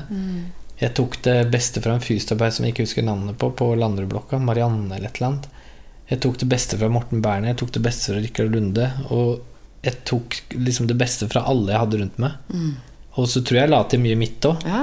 Eh, og så bare lagde jeg en sånn miks av noen greier. Og jeg tok og festa sånn krittsnor fra tømmerlinja, sånn som du kapper gipsplate med. Festa i, i eh, Hva heter den tåa ved siden av stortåa? Peketå. Peketåa. ok. Jeg kaller dette arm, da. Ja, ja. Andre kaller det bein. Men for meg så er det en pendel. da Så festa jeg den der, og så opp til hofta, for det var denne siden jeg hadde sleit på. Så begynte jeg å stå og bevege meg, så så jeg at krittsnora gikk på et annet sted enn venstrebeinet. Så da teipa jeg ankelen. For jeg har et brudd i ankelen, og jeg tror det er derfor jeg egentlig fikk det bruddet i ryggen. Så jeg teipa ankelen sånn at de krittsnorene centimetermessig var like på høyre og venstre side. Sånn at jeg hadde likt rotasjon på knærne. Og så vippa jeg opp eh, anklene med innleggssåler av Rik, eh, unnskyld, Lars Goplen, som jeg har gått til pga. bestemoren min da, i alle år. Så jeg lagde såler som gjorde at jeg fikk den. Ikke sant? Og da så jeg at kammen gikk inn, altså at hoftene Ikke sant? Og da kunne jeg vippe bekkenet litt mer, for da blir det mer plass til bekkenet. Hvis du har riktige vinkler der. Og da fikk jeg putta rumpa litt bak meg. Uh, uh, sånn at det, når jeg gikk, så vippa jeg ikke så mye. For hvis du står rettere med rette bein, så vipper du, så tryner du liksom mer forover. da Så satte jeg rumpa litt bak meg, og så merka jeg at jeg måtte løfte brystet litt, for da var det lettere liksom falle mer på rumpa. Så måtte jeg liksom få balanse litt forover på tærne igjen, og så holdt jeg på sånn til det kjedsommelige. Altså tusenvis av timer. Og så begynte jeg å bevege meg sakte sikkert. Og så var jeg jo da kjøpte meg inn i et treningssenter på Langhus, for det var der jeg brukte mye av tiden min. Mm. Mm. Ja, fortell om det. Du kjøpte, du kjøpte deg inn. Herregud.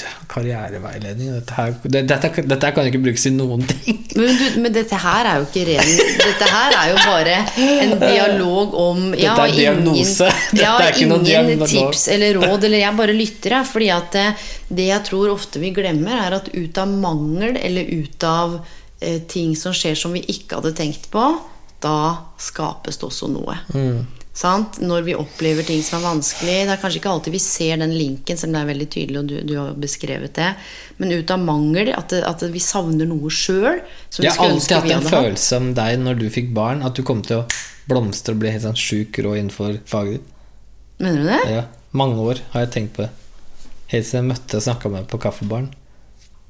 Hm. Så jeg har hatt en bilde. Har du det? Ja.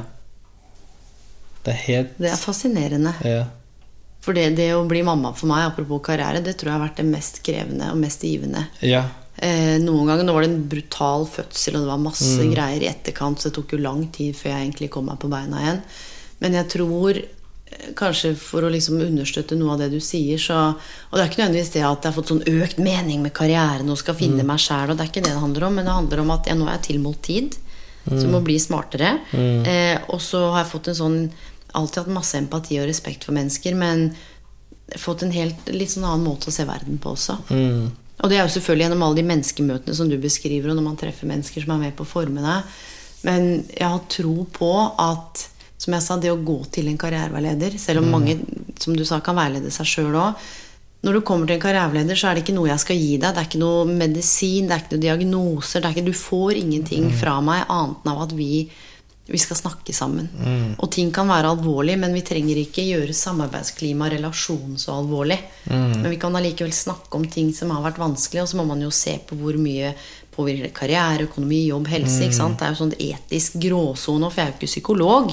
Men sånn som når vi snakker om din karrierereise nå, så er det jo tydelig at det påvirker jo andre ting i livet også.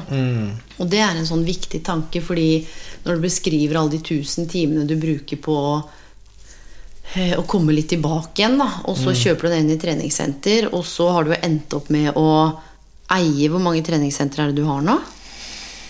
Eh, Det er fire nå. Ja. Vi hadde jo planer om flere, da. Det er jo koronasituasjonen som man må ta hensyn til. Men jeg må bare si, for i tillegg til at du eier på en måte Puls helse og starta det, så har du også starta Puls samfunn. Altså Puls helse etablerer jeg i januar. Ja. Så hvis du, Puls treningssentrene, de har jeg. De er oppe og går. De er oppe og går. Og så er det Puls helse, lanseres i januar, som er et nytt konsept. Og så lanserte jeg Puls samfunn 17.9., som også er på bakgrunn av ting jeg holdt på med i ti år, tror jeg. Altså For, for du har jo gjort mye forskjell, og det er dette her jeg også vil fram til. Fordi du har jo ikke bare gjort én ting eller holdt deg til én ting. Nei, og det, jo- du- det var, tror jeg kom ut ifra at jeg kjøpte treningssenteret. Ja. At uh, i 2003 eller 2004, apropos karriereveiledning, så uh, var jeg blåøyd og naiv, da. Mm. Og jeg skal ikke fortelle hvem jeg kjøpte treningssenteret av, men jeg kjøpte treningssenteret etter hvert fordi jeg begynte å være der, jeg hang der, jeg begynte å bevege meg øh, og utvikle meg. øh, og bruke disse 1000 timene. Jeg skulle egentlig trene noen andre, da. Og så var det spenningssøken. Syntes det var morsomt med dette senteret på Langhus, for det var annerledes. Det var Det het Champion Gym. Jeg så for meg å bygge verdensmestere og norgesmestere og sånn. Den gangen så var jo egoet mitt mye større enn det det er i dag. Og så jeg liksom begynte å trene og trene andre folk der, så syntes jeg det var kjempegøy. Og så var jeg der mer og mer, og så syntes jeg det var, alltid syntes det vært gøy med monopol og risk og sånn strategispill. Så jeg likte liksom tanken på å bygge opp noe. Så kjøpte jeg halvparten av selskapet for fi, nei, 399 000. Det var alle pengene jeg hadde. Det var sparepengene mine. Det var mye penger for meg, da. Og det er mye penger for alle, tror jeg. Og da kjøpte jeg 50 av dette treningssenteret, og da visste jeg ikke hva et aksjeselskap var. Jeg hadde ikke peiling. Og så viser det seg at jeg hadde kjøpt katta i sekken. Ja. Så det treningssenteret det var 300 kvadratmeter. Det var septiktank, brønnvann, Siporex-vegger. Det var oljefyr. Det var skeivt gulv. Altså Hadde kommunen kommet hit den gangen, eller Arbeidstilsynet, så hadde det vært stengt. Det hadde sikkert blitt bura. Ikke sant? Jeg skjønte jo ingenting. Og så gikk jeg til regnskapsfører, og det regnskapet jeg kom med, det var, hadde ikke han lagd. Det var fingert. Oi. Og det var helt krise. Gikk til Torfinn Teigen, apropos relasjoner. da Han var dritålreit. Han skulle egentlig Han la et sånt visittkort på bordet. Der sto det 'spesialengasjement'. Ja. Og jeg bare Er det spesielt bra, eller? Ja. Det var spesielt dårlig, da. Ja. Så han skulle avvikle hele selskapet. Oi. Men heldigvis var han interessert i trening, og han var, vi fikk en god relasjon. Så han hadde trua på meg. Apropos det å ha trua på noen. Så gikk jeg til gårdeieren. Der skyldte Og jeg hadde med deg Lars Kristian Haram, en barndomsvenn, som i dag jobber i Oslo Pensjonsforsikring, som en av sjefene der. Han, jeg husker han og faren hans, som dessverre er død nå, men vi drev og preppa dette her eh, møtet med gårdeierne. For jeg tenkte her ble jeg spist opp. Så jeg hadde med meg han, for jeg stolte på han. For han kunne matte. ikke sant? Og så gikk vi i det møtet og krangla på husleia, for vi møte, mente det var over markedsverdi. Og vi gjorde egentlig ganske bra møte. Og han Håvard Lien og Ulf eh, het, som satt i møtet, de tror jeg syntes litt synd på oss, samtidig som de sikkert ble smigra. Eller syntes det var ja. her er det noen som prøver. Så de sa ok, vi skal gi deg 3000 kroner mindre husleie i måneden. Og det var mye penger. Jeg betalte 30 000 Å, fy faen. i husleie den gangen. Og da skulle jeg gå ned 3000. Og det var mye. Men så sier jeg, men før du går, før vi justerer ned husleie, så må du betale de ni månedene du skylder. Jeg bare Ni måneder? Ja, altså dere har ikke betalt husleie på ni måneder. Det visste jo ikke jeg, for det var jo ikke mitt ansvar. Det var jo før jeg hadde kjøpt opp. Så jeg bare uff, shit. Ikke sant? Så da måtte jeg rydde opp i det, da. Og da sa jeg da beholder vi husleie som det er en liten periode til, for jeg hadde jo ikke de penga. Og så måtte jeg gå til fattern og spørre om, om han kunne hjelpe meg. Han lånte noen penger sammen med meg og kausjonerte med huset sitt uten at mamma visste det. Så hvis det hadde gått gærent, så hadde Da hadde huset gått til mamma og pappa. Men det gikk bra, da. Ja, det gikk bra. Det tok noen år, da. Men, eh, og da måtte jeg bare begynne å rydde opp. da Apropos karriereveiling, så er det jo derfor jeg kjøpte meg inn i Trollåsen, altså gym nummer to, da for å rydde opp. Ja. For da ble jeg god til å komme inn i forretning å rydde opp. Men i den prosessen så trengte jeg jo penger til å betale regninger som hadde forfalt i går. Og da begynte jeg med hva jeg kan. Liksom. Så hadde jeg begynt å trene landslaget i roadracing, Henning og Petter Solberg, og jeg kunne jo kjøre bil, og jeg var interessert i motor. Så kjøpte jeg meg en, eh, sammen med broren min en gammel rallybil. Så begynte jeg å ha eventer for firmaer. Og så likte jeg relasjoner, jeg likte business, og jeg begynte å sette disse samarbeidspartnerne opp mot hverandre. Da. Sånn at ja, men du driver med du driver med inkasso, du driver med telefon, og du driver med factoring. Ok, men da kan dere samarbeide, så får vi til noe sammen. Og så begynte det sånn, for jeg trengte penger. Og så sa jeg, begynte jeg fortsatt å trene meg opp, så sa jeg til broren min at ah, shit, nå tror jeg jeg er såpass bra trent at jeg kan begynne å være aktiv igjen. Altså, Og da hadde jeg lyst til å være med i masse NM for å vise folk at jeg ikke var idrettsinvalid. Jeg tror jeg egentlig skulle bare bevise til meg sjøl, men det har jeg altså skjønt i ettertid. Da. Og da gjorde vi NM i NM, da, som var et sånn eh, prosjekt der jeg skulle være med på ti NM i et løp av et år, i ulike idrettsgrener. Og blei norgesmester i bob. Herregud. Så det var veldig gøy. Var med i bryting og masse rart. Um, men da begynte jeg å samle inn sponsorkroner til det prosjektet. Og så blei liksom den forretningsutviklingsfirmaet mitt til mens man gikk, da. På grunn av skaden min og på grunn av treningssenteret. Så det er jo helt merkelig. Og så begynte jeg liksom med å jobbe med etter, etter hvert som treningssenteret klarte seg sjøl, mer eller mindre, da, så kunne jeg liksom også ha bedre tid til å gjøre mer langsiktige prosjekter og Ja, for, fordi du har jo skrevet barnebok. Ja, altså fire barnebøker med Vinni og broren min. Da. Ja. Den fikk jeg ideen til i 2009. Og jeg har jo de bøkene. Kan ikke du bare si hva de heter? For de er helt fantastiske. Ja, altså Første boka eh, som vi lagde, den tok jo mange mange år. da For jeg møtte jo Vinni, og jeg måtte jo overtale han til å skrive barnebok. Og, Og Vinni er jo han fra Paperboys. Altså Ja, det er han som rapperen vet som jeg har trent. Rapperen. Rapperen. Vært med på hver gang vi møtes. Ja. Vant Kompani Lauritzen, som jeg Ja. syntes var dritkult, for det brukte han jo veldig mye av treningsfilosofien. da Mm. Em, Men det, det liksom et Johnny virker i turbotrøbbel, heter Mm. den første boka. Og det handler om en gutt som, eh, som har ADHD. Som er litt utagerende, som må få hjelp og støtte av noen andre enn foreldrene sine. Eh, drar til Norge, sjorer seg ikke fast på båten og drukner. Og jeg drukna en gang da jeg var liten og var på andre sida av gjerdet, hva er det man kan kalle det? Et lite øyeblikk før jeg ble gjenoppliva eller rista liv i. Så derfor tror jeg han drukna. og derfor, men jeg har alltid vært spenningssøkende. Alltid liksom, hvis folk har sagt 'det må du ikke gjøre', så har jeg gjort det. Av en eller annen idiotisk eh, grunn. Eh, som også har gitt meg mye problemer, da. Men samtidig også en del styrker. Så derfor tror jeg den, bok, den bilen drukner. Og så var jeg, da hadde jeg samarbeid med Personskadeforbundet, nå, som det heter nå. Da heter Trafikk, Landsforeningen for trafikkskadde. Så vi hadde en selekampanje, så det var egentlig et samarbeid med de. Og så blei første bok til. Broren min tegner. Tegner boken.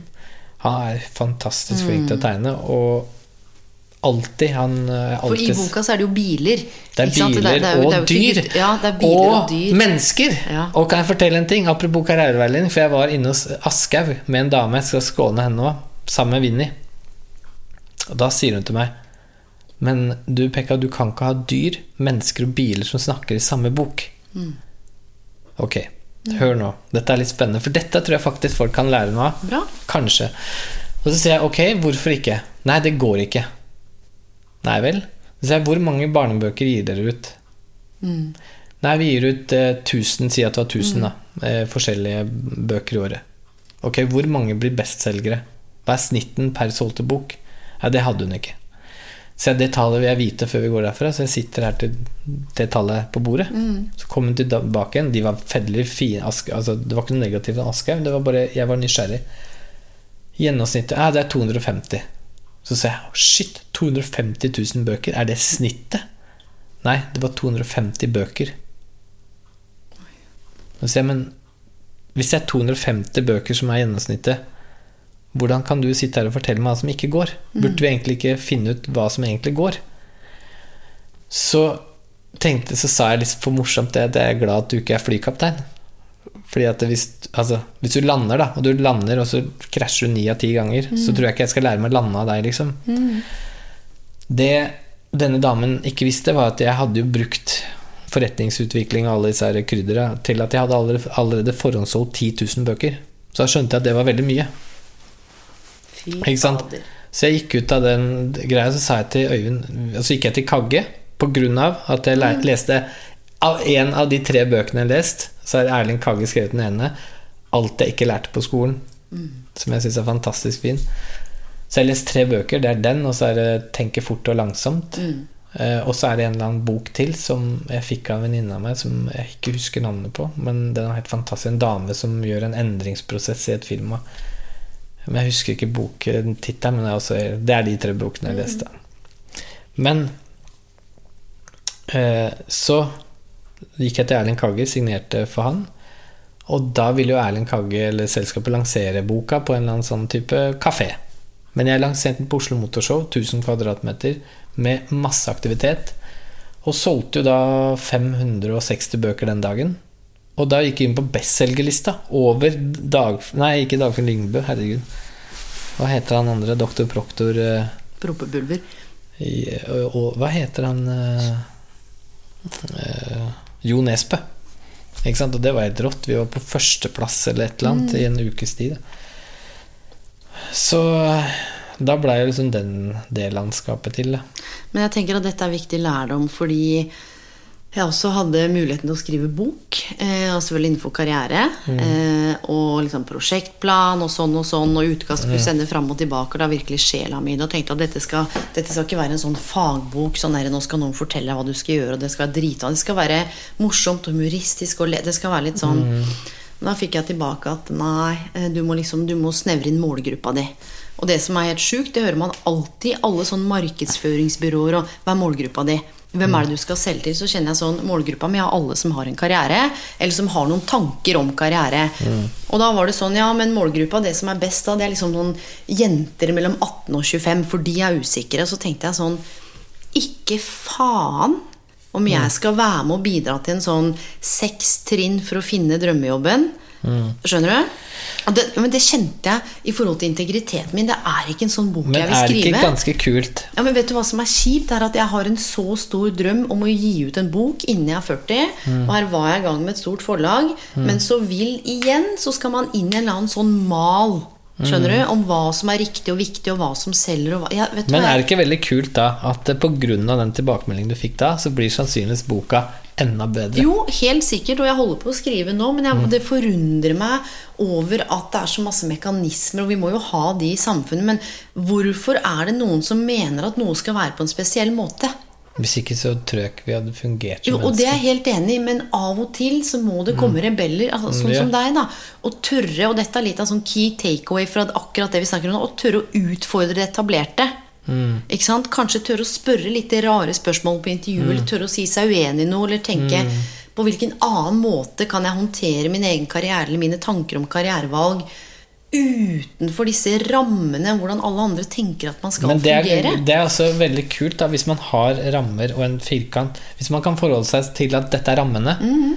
men utfordre gjerne rammene, Mm. for da kan du bli en annen type Da blir jo det en del av ramma i fremtiden. Nå, Hvis du går til Aschehoug nå, ti år etter, eller ikke ti år, fem, seks år Mhm. Så er har du sprengt de rammene. så er det ikke sikkert de har de samme svarene. Nei, men det er, det er også fordi at dere utfordra det, istedenfor Ja. å si ok, da går vi tilbake og så skriver vi en bok da med, med bare biler. Ja, ikke sant? Og, og det er det her som er litt av greia, at når man ender opp med å tro på noe, eller kjenner at dette er riktig, stå i det, da. Ja, jeg må fortelle en morsom historie, for vi prøvde å lage film. Oh, ja. Og da møtte jeg mannen, en, en Storm Produksjon. Husker jeg Han ringte meg og sa du, er det du som driver dette Johan og Virker-greiene? Så ja. Ja. Nå er jeg hos barna til broren min eller et eller annet, tror jeg det var. Også med Kaptein Sabeltann, fordi det hadde han lagd, og filmen. Og så plutselig begynner de å snakke om Jonny Virker. Og jeg bare Jonny Virker. Og så plutselig var Jonny Virker kulere enn Sabeltann. Og vi må lage film. Så jeg ok. Og så fikk han tak i en produsent eller regissør fra Pocahontas, altså Disney. En fyr fra, jeg tror han opprinnelig kom fra Israel eller et eller annet. Og så skal jeg og broren min og Vinni inn og presentere da filmprosjektet. Vi har, og broren min lager kule tegninger, og, og presentasjonen var, vi, var forberedt, vi. Og så sier han Så begynner han å spørre oss om dette prosjektet, og så er det på engelsk i tillegg. Og så går vi gjennom den presentasjonen, og så sier han at eh, Jeg ser at han begynner å klø seg. Altså han, begynner å bli sånn, han er fortsatt interessert, veldig nysgjerrig, men han skjønner ikke bæra vi- hva vi babler om. For vi er jo på alle Vinni prøver, Brutter'n prøver, og jeg prøver, vi er ivrige. Dette er Pocahontas, liksom. Dette, denne fyren her skal vi overbevise. Og så går vi derfra, ble enige om at det møtet gikk ikke Jo, og så sier han But, but what is it about? og vi bare Hæ? Hva mener han? Is it about the cat? Liksom, han gir oss eksempler, da. Vi aner jo ikke.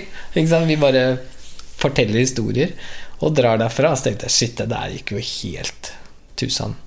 Og så kommer han søren meg tilbake og han Så skriver han til han i Storm Produksjon eh, That presentation was so epical failure that I had to be charmed. Og han mente at initiativet og engasjementet til oss bak var viktigere enn produktet, for det kunne han være med å forme. Så da ville de lage film. Og så skulle vi ha en penger da, til denne filmen. Eh, for den skulle også være sånn delsponsa. Mm. Og så skjer jo da det som er også veldig morsomt, for det er den karakteren i denne boka heter Hitacho, og den kommer fra gravemaskinen Hitachi. Og da skal jeg ned og møte plutselig Kadoya i Nederland, Amsterdam, altså sjefen i Hitachi, altså et stort selskap. Ehm, og det vi liksom som ikke var avklart ennå, da, var jo Hitachi var gjort om til Hitacho. Det var liksom den største utfordringen vi fikk der, for at folk kommer jo til å si Hitacho istedenfor Hitachi. Eh, Så det er en prosess vi er i. Ja. Enda. Ja, og, og apropos karriere og kultur. Hvis vi har liksom gått gjennom det å trua på hverandre eller seg sjøl, og trygghet, og at vi blir forma mens av eh, tilfeldigheter eller utfordringer, så kommer neste del kultur, tenker jeg. Det er også en viktig del, for vi er jo i kulturkrasj også hele tiden, med oss sjøl og med andre. Men i Japan da må jeg bare, For å forstå den kulturen i Japan, så må jeg dra et eksempel som broren min brukte.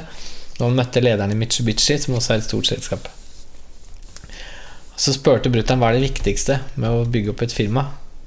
Hva, er liksom, hva kan du gi meg noe når jeg går herfra? Så sier han følgende Det er de 400 første årene som er vanskeligst. Etter det så går det på skinner. Bare tenk deg det. Når du har karrierevalg eller? For jeg måtte tenke langsiktig når jeg tok over det gymmet. Så jeg tenkte ti år fram i tid. jeg. For jeg, måtte, jeg skjønte at ok, her må jeg bare Her må jeg tenke ti år fram. Og så sitter du med det perspektivet overfor en annen nordmann som kommer inn. Og så når folk kommer til meg, så sier de ja, men det, så sier jeg at det skal skje om fem år. De bare fem år? Husker Vinni sa til meg Ja, vi kom til form, liksom. Når tror du jeg er klar? Nei, jeg tenker en fem, fem år. Mm. han bare Ja, men jeg skal ha sixpack til sommeren, liksom. Ja, men jeg, jeg driter jo i sixpacken. Og det syns jeg også er litt sånn kult at vi må klare å i Japaneserne, kanskje litt i overkant altså De skal I'm going to study, sier han Kodoya. Altså han studerer ennå og kommer sannsynligvis til et svar tilbake mm, nå snart. Om det blir en film eller ikke, får vi se. Men jeg ser også det at å evne til å tenke langsiktig. Sånn som boka di, du sier at den skal gi ut før jeg er 40. Og da har du et mål. Og hvor gammel er du? 37. Ja, 37. Og dette har jeg allerede holdt på med i tre år. Ja, ikke sant? Og evnen å tenke langsiktig, den er også helt unik. Og, og det lærte jeg under den prosessen. Og, og, ja, men det, ikke sant, Å kunne tenke langsiktig og planlegge og bekymre seg, altså, det er jo ganske unikt for oss mennesker. Og jeg tenker at hvert fall fra et karriereveiledningsperspektiv så er jeg helt enig at man skal kunne tenke langsiktig. Og, ikke sant, og, og ulike scenarioer, samtidig som jeg har tro på at om man legger planer og mål for fremtiden, så må man også ha med seg at det er ikke alltid det blir som man har tenkt. Så man må kunne evne å justere og være fleksibel. Ja, ja. Og ikke gå helt i kjelleren, sette at filmen ikke skulle bli noe. Ja, så må man snu seg rundt, da, så må man kjenne på det kanskje tapet. Mm. Men tenk ok, hva, hva gjør jeg nå? Ja, fordi det er også Så blir man forlåst, Ja. og så blir du vippa av pinnen fordi det blei ikke som du hadde håpa, og så bare faller alt i grus. det er mange ting som har For målsetninga di blir en del av identiteten din nå, Yes! for det er det du forteller høyt om. Men det altså, jeg syns er gøy, det er at eh, det med feil Det syns jeg er så morsomt, fordi jeg sier det til de andre eierne, og de jeg prøver å coache, eller hva det heter, da, i utdanne eller lære bort noe, da, til, så evnen til å ta et valg og ta feil raskt er veldig positivt for meg. Altså, det, det er en av mine største styrker. Jeg har tatt så mange feil valg. Altså valg der Ja, ja. og da, som er feil der og da, men som blir ekstremt riktig eller viktig Seinere. For at eh, du har lært så mye av den prosessen. Men det å bare ta et valg og prøve ut noe, så får du også gjort veldig mye. Og jeg mener at det, vi som organisasjon, er Pulsgruppen, som er de organisasjonene til disse treningssentrene, der har vi gjort veldig mye. Vi har gjort veldig mye riktig. Vi har gjort mye, mye feil. Men vi har gjort veldig mye. Vi har fått masse erfaringer. Så jeg merker at nå som koronakrisen kom Apropos det å langsiktig, ja. Men vi er også veldig flinke til å håndtere kriser. Fordi det har oppstått så mange kriser og så mye håndteringer pga. valg vi har gjort, eller valg vi måtte ta. Og det jeg også tenker liksom at det, som, som du sa i stad, som jeg syns var kult altså, Vi kommer til å bytte karrierer og valg. Og, Og kanskje studere flere ting flere ganger. Og så er det Mm. jo spådd at i 2030 så er det de og de jobbene forsvinner Altså Det er så mange som skal mene så mye, og det er helt greit. Og jeg har jo meninger, jeg òg. Jeg prøver liksom ikke prakke de på andre, men heller åpne opp for refleksjon. For at det er sånn De jobbene forsvinner, og de jobbene Så tenker jeg sett at jeg er et ungt menneske i dag som drømmer om å gå inn i et yrke, men får høre at det forsvinner om fem år. Skal det hindre meg i å gå inn og gjøre noe jeg elsker nå? Da får jeg heller gjøre det de fem årene. Ta den kunnskapen og kompetansen, og så bevege det over i noe annet hvis de jobbene skulle forsvinne. ikke sant? For jeg tror at eh, om man skal høre på andre og, og oppsøke karriereveiledning eller, eller hva enn man kjenner at man har behov for, så da er den kombinasjonen av de ytre impulsene, men også trene på å orientere seg innover. Fordi jeg skal bare si, Vi har snakka i over én time og et kvarter, så vi, vi, skal begynne å, å wrap it up snart. Men før vi liksom går helt mot slutten, så er det jo må vi liksom bare kort innom det andre du har gjort. For du har jo treningssenteret, og du har snakka om liksom karrieren innenfor id idrett og, og fotball. Eh, Kjøpt opp treningssentrene, ja. Og så boka, eventuelt kanskje det blir film. Og så er det dette Puls samfunn. Men kan Ja, du fortelle altså- kort om det? Jo, altså Når det gjelder boka og den delen, så er det den forretningsmessige firma. Der har jo gjort masse rart. Bygd verdens raskeste gressklipper. Ja, det var det. Og, og masse Har ikke du kjørt den gressklipperen nå? Jo, jeg kjørte den og satt en Guinness rekordbok. Eh, altså, hadde, jeg kjørte den i 258 km, sånn sitteklipper da, på Torp flyplass. Mamma og pappa ikke så Stakkars det mamma og pappa. Jeg skjønner nå hvorfor pappa ikke var. Ja. Men, men og broren min og jeg. Det er sikkert min feil. Eh, sikkert derfor bestefar mista håret òg. Han skjønte at jeg kom til å komme til. Men, så det er, eh, det er Jeg har gjort mye sånne prosjekter for firmaer, da, som kommersielle stunt. Men du, men du har også gjort ting hva si det som, hvor du har samla inn penger eller gjort noe Ja, for for andre. det jeg er mest stolt av, det er ikke de tingene. Det jeg er mest stolt av, er egentlig det jeg har fått til lokalt. Av, for man gjør positive og negative ting i livet. Man gjør ting man er stolt av, man gjør ting man skammer seg over, man gjør ting man skulle gjort annerledes osv. Men jeg har alltid prøvd å bistå eh, veldig mye lokalt, da. Og jeg vil jo påse at jeg har hatt en positiv innvirkning på Øyvind og Vinni eh, med å være der og trene han, og så har han også hatt det for meg. Men lokale prosjekter, så gjorde jeg et prosjekt eh, Vi begynte med olabil. Eh, Altså jeg begynte med et prosjekt som het et olabilløp, egentlig, for ti år siden på Kolbotn. For at eh, folk som ikke hadde olabil, eller foreldre som kanskje stilte opp, kunne komme og delta i noe og sånn. Og det begynte egentlig der. Og så lagde jeg et prosjekt som het Rallyfadder. Sammen med Utekontakten og Kristian Lund og fritidsklubben, egentlig. Men så blei det ikke helt sånn som vi tenkte, for de mista vel litt ressurser og hadde ikke penger. Så jeg blei sittende med fire ungdommer aleine. Og du fulgte opp? Som jeg fulgte opp, ja. I Som hadde falt utafor? Jeg liker egentlig ikke å bruke ordet utafor, for at Nei, allerede er- der så setter man Jeg men- kaller de det håpefulle. Ja, Kaller jeg de. fint. Uh, men jeg kan vel si såpass at uh, jeg kjente meg igjen i noen av de. Ja. Uh, og, og, og jeg kan ta et eksempel med han Kristoffer Myrvang, for det vet jeg jeg får lov til å prate om, fordi vi har såpass tett dialog. Og han, men det er en fin historie å av, avrunde med. Og du får lov til å dele den? Jeg får lov til å dele den. Ja, og han har delt den selv. Ja, ok. Eh, så han var 15 år. eh, 14 år eller 15 år da jeg møtte han. Og stamma. Stammer fortsatt. Hadde veldig problemer på skolen. Veldig mye mobbing og alt mulig. Mista veldig mye tro på seg sjøl. Har fortalt om ting som var såpass tøffe at det var liksom ikke gitt hvordan det kom til å gå jeg tror jeg kjenner meg mye igjen i han også, og mye igjen i sårbarheten der. Og når jeg møtte han, så var han med meg og tre andre ungdommer, da. Der vi gjorde til rallyfadderprosjektet, da. Så han var med å kjøre rallybil, han var med å skru, vi var og kjørte gokart. De spiste mye kebab. Jeg skal ikke si kanskje høyt at eh, de snusa osv., men, men du kan jo sjøl tenke deg spenningsøkende ungdom. Ikke sant? Så det gikk jo mye penger, da. Det ble 100 000 kroner i året som jeg brukte av egen lomme, og det er mye penger. Også, men med han Kristoffer, så apropos det å ha noen som har trua på seg sjøl Jeg vet at moren har trua på noen faren, så det var ikke det, men det var liksom skolemessig utfordring. Samfunnet. Så, så um, hadde han en drøm om å gå på en og snakke foran mennesker. Det var hans største drøm. Ikke største drøm pga. at han drømte om det, men pga. stamminga og utfordringen med det. Og så hadde han, etter hvert som veien gikk, så hadde han også lyst til å drive for seg sjøl. Så begynte han i læra i, som mekaniker. Og holdt på å droppe ut flere ganger. Og da sa jeg til han at hvis du står i, står i det, selv om du stryker på opptaket, sendeprøven, så skal, få, så skal vi starte et firma sammen. Hvis du bare holder ut.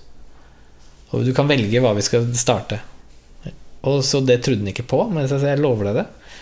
Og så holdt han ut. Han sto den eh, fagprøven. Det var helt rått. Jeg gåsehud igjen.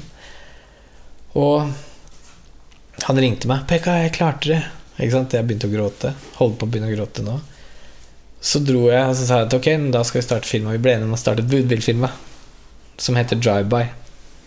Det kommer ikke fra drive-by shooting, det skjønte vi etterpå. Det er drive, altså kjøre og kjøpe. Ja, ja. Kjøpertransport.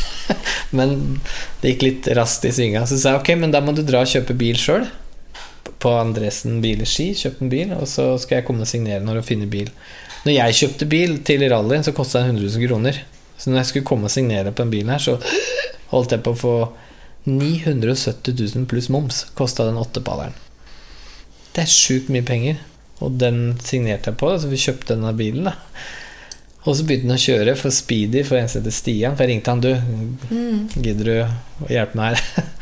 ja, og så begynte han å kjøre der. Eh, og nå er han 23, ja, så jeg, har liksom samarbeida han og jobba med han i åtte år. da Og så skulle jeg lansere Puls eh, samfunn. Ja. På bakgrunn egentlig at jeg fikk covid og havna på Ahus. Ja, for du har hatt korona. Jeg har hatt korona, Ja. det, det er allmennkjent, tror jeg. Nå, i lokalt her, i hvert fall. Ja. Men så jeg havna på Ahus og lå der, og da kjente jeg på den datteren min jeg har i Sveits. Jeg bare Å, shit, kommer jeg til å se henne igjen? Hvordan skal det gå med eh, Jeg visste at Kristoffer kom til å klare seg, men jeg har jo drevet med disse prosjektene lokalt og vært engasjert. Og så tenkte jeg vet du hva, det er for mye for meg å bære aleine. Jeg, jeg klarer ikke. Jeg klarer ikke å ta disse her det, det, ikke Du er sliten. Du kjenner ekstra mye på at du er sliten når du ligger på på intensiven, eller hva det heter. Eh, Så når jeg kom ut av eh, Ahus, så bodde jo Kristoffer hjemme hos meg, fordi at han bodde et sted, så skulle det selges. Så flytta han hjem til meg, og han måtte jo da isoleres fordi at jeg hadde covid. Og da gikk han hjemme. Og fikk ikke kjørt og fikk ikke jobba. Eh, og da dreiv jeg egentlig med han eh, under en opptreningsgreiene. Og det, igjen, da. Det ble litt til mens man gikk der òg. som er kanskje litt min måte, da. Så sa jeg at hva, nå må vi gjøre noe alvor ut av dette her eh, reisen vi har vært på, samfunnsansvaret osv. Og, så og så vil jeg lansere Puls Samfunn, som er et sånt sosialt entreprenørskap. Fordi jeg ser at uh, på grunn av at Jeg kan ta et eksempel. Hvis du har et lokale som står tomt tolv timer i døgnet, så tenker jeg hvem kan bruke det lokalet til hvilken tid? Det er ikke noe vits i at et treningssenter eller Nav og, og mange forskjellige eier hvert sitt lokale på 100 kvadratmeter. Hvis det kan være ungdom på, i helger, hvis det kan være de som sliter på dagtid, hvis det kan være kommersielt på kveldstid. Det er noen tanker jeg som lenge har hatt. Da. Men sånn er det jo veldig mange mekanismer. Så det er veldig mange mekanismer som fungerer sånn at hvis kommunale Nav, det politiske, næringslivet og det frivillige ikke sant, osv. står sammen, så kan man utrette mer for en krone. Så, så skal vi lansere Puls samfunn, da. Og det var en veldig følelseslada kveld. Og det var noe jeg grua og gleda meg til. Pga. at jeg hadde skulle på scenen selv, som du har gjort mange ganger. Som ikke har vært så naturlig for meg, litt pga. leppa og, og Ja, for når du sier leppa, folk ser deg jo ikke. Hva Nei, stemmer det. Nei, jeg har jo hareskår. Og broren min har leppe-ganespalte. Mm. Og det er jo en Igjen, da, en pluss eh, og et minus. Minus er at alle ser leppa di og ser at du er født annerledes, spesielt når du er yngre. da og, så, så du blir jo mye mobba, det blir kommentert. da, hvis man er sår, så vil man oppleve det som mobbing selvfølgelig, og erting og sånn. Eh, men det gjør jo et eller annet med selvbildet ditt, enten du vil eller ikke, om er jeg god nok, som også er en kraft. Eh? Du, det å synes og bli sett ikke nødvendigvis er positivt, da.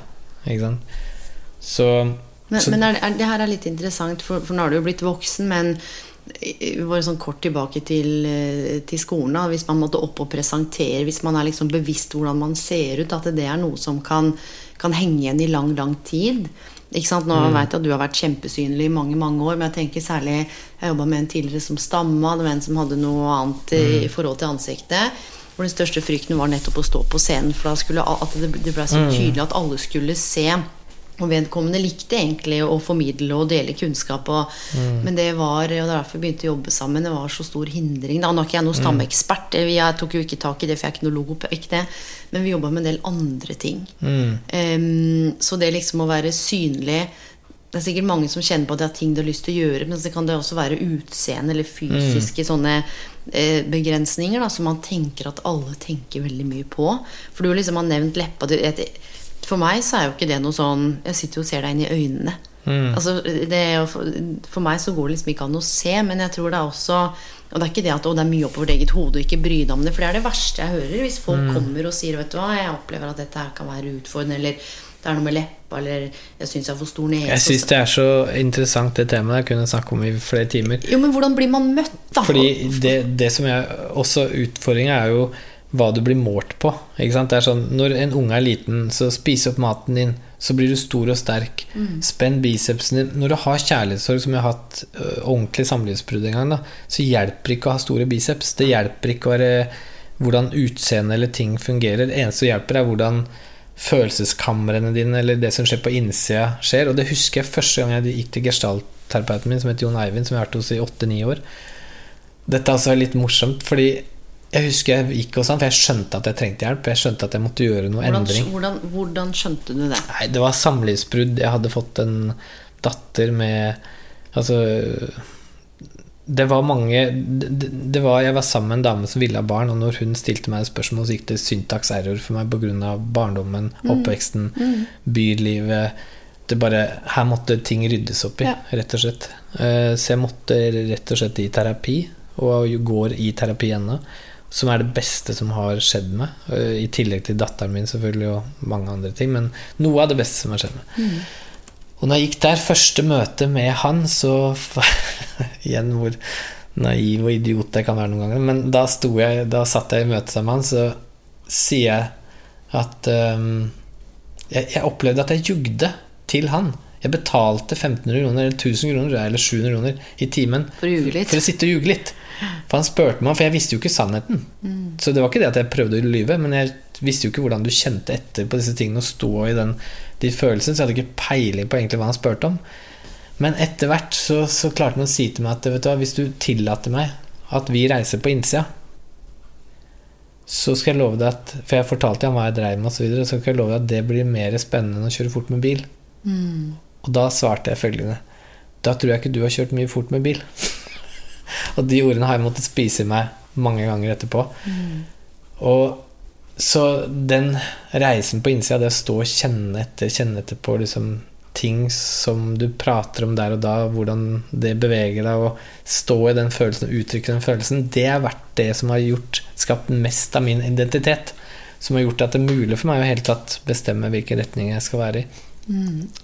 Nå tror jeg datt ut litt, men Nei, vi- men vi snakka om dette med å gå på scenen, og du Ja. sa dette med synet, og så dro jeg en parallell til Ja, barndommen, og så kom så, så når jeg var misunnelig på deg når jeg så bilder av du gikk på scenen, for det har jeg alltid drømt om, å stå og prate liksom foran folk, hvorfor veit jeg ikke, men jeg har alltid følt at jeg har noe å gi, eller gi fra meg. Eller Mm. Det er det jeg føler når jeg, når jeg går på altså, har, Og det er ikke at jeg har en Her har du en TV, eller her har du en pakke, men at det er noen erfaringer og refleksjoner eller ting jeg har lest eller opplevd som jeg tenker at kanskje bare ett menneske Mm. kan dra nytte av akkurat denne refleksjonen her i det sekundet hvor de trenger det. Mm. Da på en måte Og det har vært mer enn penger og Mm. anerkjennelse og ho, Det er ikke det det handler om. Det handler om å få lov til å være med å så det frøet, da. Mm. Og, og jeg likte også det du sa om ego, for jeg skal tilbake til Kristoffer og Puls samfunn til slutt. Men jeg har jo en datter i Sveits som er eh, snart ni år. Og første gang jeg kjørte fløy til Sveits, det er en ting jeg fløy dit fram og tilbake, og så plutselig fikk jeg flyskrekk. Trodde jeg. Jeg tror fortsatt litt på det. Men det handler egentlig om at når jeg flyr hjem fra Sveits, og du skal ta, ta farvel med datteren din og sette deg på et fly med 200 ukjente og kontrollere følelsene dine, så er det vanskelig. Så jeg begynte å kjøre til Sveits. Da kjører jeg på torsdag, framme på fredag. Vil si at du kjører i ett strekk. Du er der da fredag, lørdag, søndag. Jeg drar hjem på søndag, jeg er tilbake på mandag. Da kjører du sånn 400 mil den helga. Når jeg kjører hjem fra datteren min, så griner jeg fra Sveits til Puttgarden. Der går ferja, og på ferja så sitter jeg helt lamslått. Og så sover jeg litt, og så kjører jeg fra Danmark hjem. Og når jeg kommer hjem da, så er egoet mitt litt mindre. For hver gang. Og for hver gang egoet mitt blitt litt mindre, så blir jeg litt større person. Føler jeg. Amen. Ja. Der. Og det tror jeg også i forhold til at det med å bli mor og føde og alt dette er jo helt heavy. Så når jeg skulle liksom lansere Puls samfunn, så tror jeg det var riktig at det var den tiden etter den reisen jeg har gått. Og så sier jeg til, til han Kristoffer Jeg måtte vente med å si det litt sånn Ikke helt tett opp til, men så tett opp til at han ikke grua seg for lenge. Men jeg sa liksom at jeg lanserer egentlig Puls samfunn på grunn av deg og din historie, så er det den som må deles den kvelden. Det handler ikke om meg, Vinni, Tufte, Hans Wilhelm. Det er bare for å få mennesker dit. For jeg ville liksom det skulle handle om han gutten som stamma, som gikk på scenen. Ikke sant? Jeg får gåsehud. Det bare Ja, jeg, jeg, jeg kjenner det. ja. Så når alt vi var gjennom uh, Alt, da så, så går fyren på scenen. Vi har preppa hjemme. Vi har tatt, jeg har tatt tida på hvor mye ti minutter var. Han var nervøs. Vi skrev om noen par ting og, og trente igjen. Og så gjorde det at jeg ble trygg, for jeg tenkte vet du, om jeg går på scenen og driter meg ut eller ikke, det er ikke så nøye så lenge det går bra for han til slutt. da Og så gikk jeg på Vinni, og så var det Jeanette Flagstad som hadde en helt sinnssykt bra innlegg, og så var det eh, Olav Tufte, og så var det Hans-Wilhelm Stenfeldt, og så Kristoffer. Altså ordfører. Det var jo eks, tidligere altså, Siste ordføreren til Oppegård og første, oppgå- første ordføreren til Nordre Follo. Og så går Kristoffer Myrvang på helt til slutt, og så bare alle, alle Hvis dem som ikke gråt eller følte noe da, de er jo de, de har noen diagnoser, da. Så det var så fint. Og etterpå så lurte noen på hvorfor Eller hva vil du oppnå med Puls Samfunn? Apropos det, da. Jeg vil jo oppnå masse med Puls Samfunn. Men det største jeg kan oppnå, har allerede skjedd. Ikke sant? For det var den En som stammer, altså. 23 år, har blitt mobba og følt på det med stamming. Gå på en scene og gir et foredrag på ti minutter om livet sitt til at folk begynner å grine. Da tenker jeg i forhold til karriereveiledning osv. Hvis det er mulig, hvis det er potensialet i en ungdom som sliter med stamming og ikke vil på scenen, at han blir en foredragsholder, da tenker jeg at alle folk må bare Ja, liksom prøve å sette den drømmen, den tanken. For det, jeg syns det er så fint at hvis jeg tenker at mennesker har sittet hjemme og tenkt på at hm, robot. Jeg tegner en robot. Og så, den er sånn som bløp, bløp, bløp, Og så går den sånn 20 år etterpå, så fins det roboter. Så det er jo bare Og jeg tror det er en fin Det var en fin historie å avslutte med òg, fordi jeg tror ofte så blir vi så opphengt i mål og retning og hva alle andre mener, og det pleier jeg å si i karriereveiledning òg. Kanskje vi skal bare drite i å snakke om mål, selv om det er Ja. viktig. Men, men, det- men det sitter litt langt inne for mange, for man kanskje har med seg noen past failures, ikke sant, sånn som vi Kanskje man heller snakke om de tingene. Ja, og selv om jeg ikke liker å snakke om, om feil, for jeg tenker at ingenting er feil, man tar bare noen rare valg, og så lærer man. Men hva hvis man turte i større grad å snakke om visjoner, ønsker, drømmer, tanker, interesser, Farver. lyster? Mer enn at nå er målet at jeg skal ta en bachelor, men å si ok, du har lyst til å ta en bachelor i kunst, da, eller hva det er. Hva er det du ønsker å lære på den veien? Hva, hva er, hvordan vil du vokse som menneske? Hvordan vil du utvikle deg? Hva kan du bidra med gjennom den kunnskapen? At vi tør å stille oss litt andre spørsmål når det kommer til hva vi skal velge i framtida. Mm, kjenne litt mer etter. Ja, og det nettopp, og jeg tror det er en sånn fin tanke å avslutte med. Vi har holdt på i over halvannen time. Oi. Dette er den lengste podkasten jeg har hatt. Ops. Nei, men Det er ikke noe ops, det er det der, og det er ikke noe manus. Og dette er litt sånn uredigert og rått materiale. Og vi har vært innom mange Temaer. interessante temaer, og det er det jeg vil litt med den podkasten òg. At eh, det er mange veier til rom. Da lurer jeg på om kjæresten din har kjøpt med kjeks hjem. Har du kjøpt kjeks, eller, Kirby? Har du kjøpt med kjeks? Ja. Oi! Yes! Da avslutter vi. Pekka, tusen Takk for at jeg fikk komme. for at du eh, tok deg tid til å komme. Veldig hyggelig å ha deg på kjøkkenbordet. Og så eh, Ikke på kjøkkenbordet. Nei, ikke på da ved siden av oppå Ja. du sitter på stolen. Kanskje våre veier krysses en dag. At vi finner på noe spennende. Vi har gjort det allerede, da. Jeg syns jo dette var kjempespennende. Syns du det? Ja. Ja, det var godt å høre. Fordi man vet jo aldri helt hva folk opplever eller Nei, tenker. Og så, så fint. Mine venner, eh, hvis dere har lyst til å finne ut mer om Pekka eller hva han driver med, hvor finner vi deg? Hvor kan jeg lese mer om deg eller Impuls helse eller samfunn eller hvor, Chat-chat. Hæ? Chat-chat. Chat-chat? Det er et nytt program som kommer til å bli funnet opp om Men du har vel en hjemmeside? Er det impulshelse.no? Impuls er impuls. Nei, du, hvis du vil begynne på treningssentrene våre, så går du inn på pulsfollo.no. Ja, der ligger det informasjon. Der ligger det informasjon om treningssentrene hvis eh, du ønsker Hvis jeg vil kontakte deg fordi jeg lurer på noe eller ble inspirert Da går du inn på poweredbypekka.no. på Poweredbypekka.no. Ok. Mine venner, jeg tenker har dere noen tilbakemeldinger eller spørsmål eller noe som dere syns var fascinerende, så veit dere chat-chat. Så finner dere Pekka. Takk skal du ha, Pekka. Takk for det. Ha det. Ha det.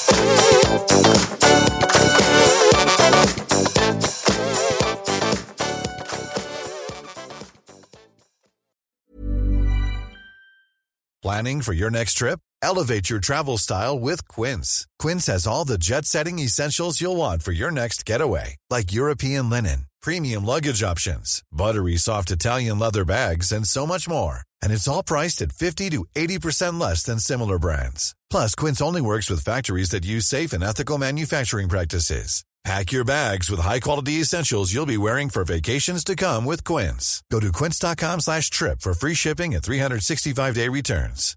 My business used to be weighed down by the complexities of in person payments. Then, Tap to Pay on iPhone and Stripe came along and changed everything. With Tap to Pay on iPhone and Stripe, I streamlined my payment process effortlessly. Now I can accept in person, contactless payments right from my iPhone. No extra hardware required. What's truly remarkable is how I can cater to all of my customers' payment preferences. Whether they're using cards, Apple Pay, or other digital wallets, Tap to Pay on iPhone and Stripe ensure a smooth checkout experience every time. And it's not just me. Stripe helps businesses of all sizes, from local markets to global retailers, scale quickly and stay agile. To learn how Tap to Pay on iPhone and Stripe can help grow your revenue and reach, visit stripe.com slash tap iPhone.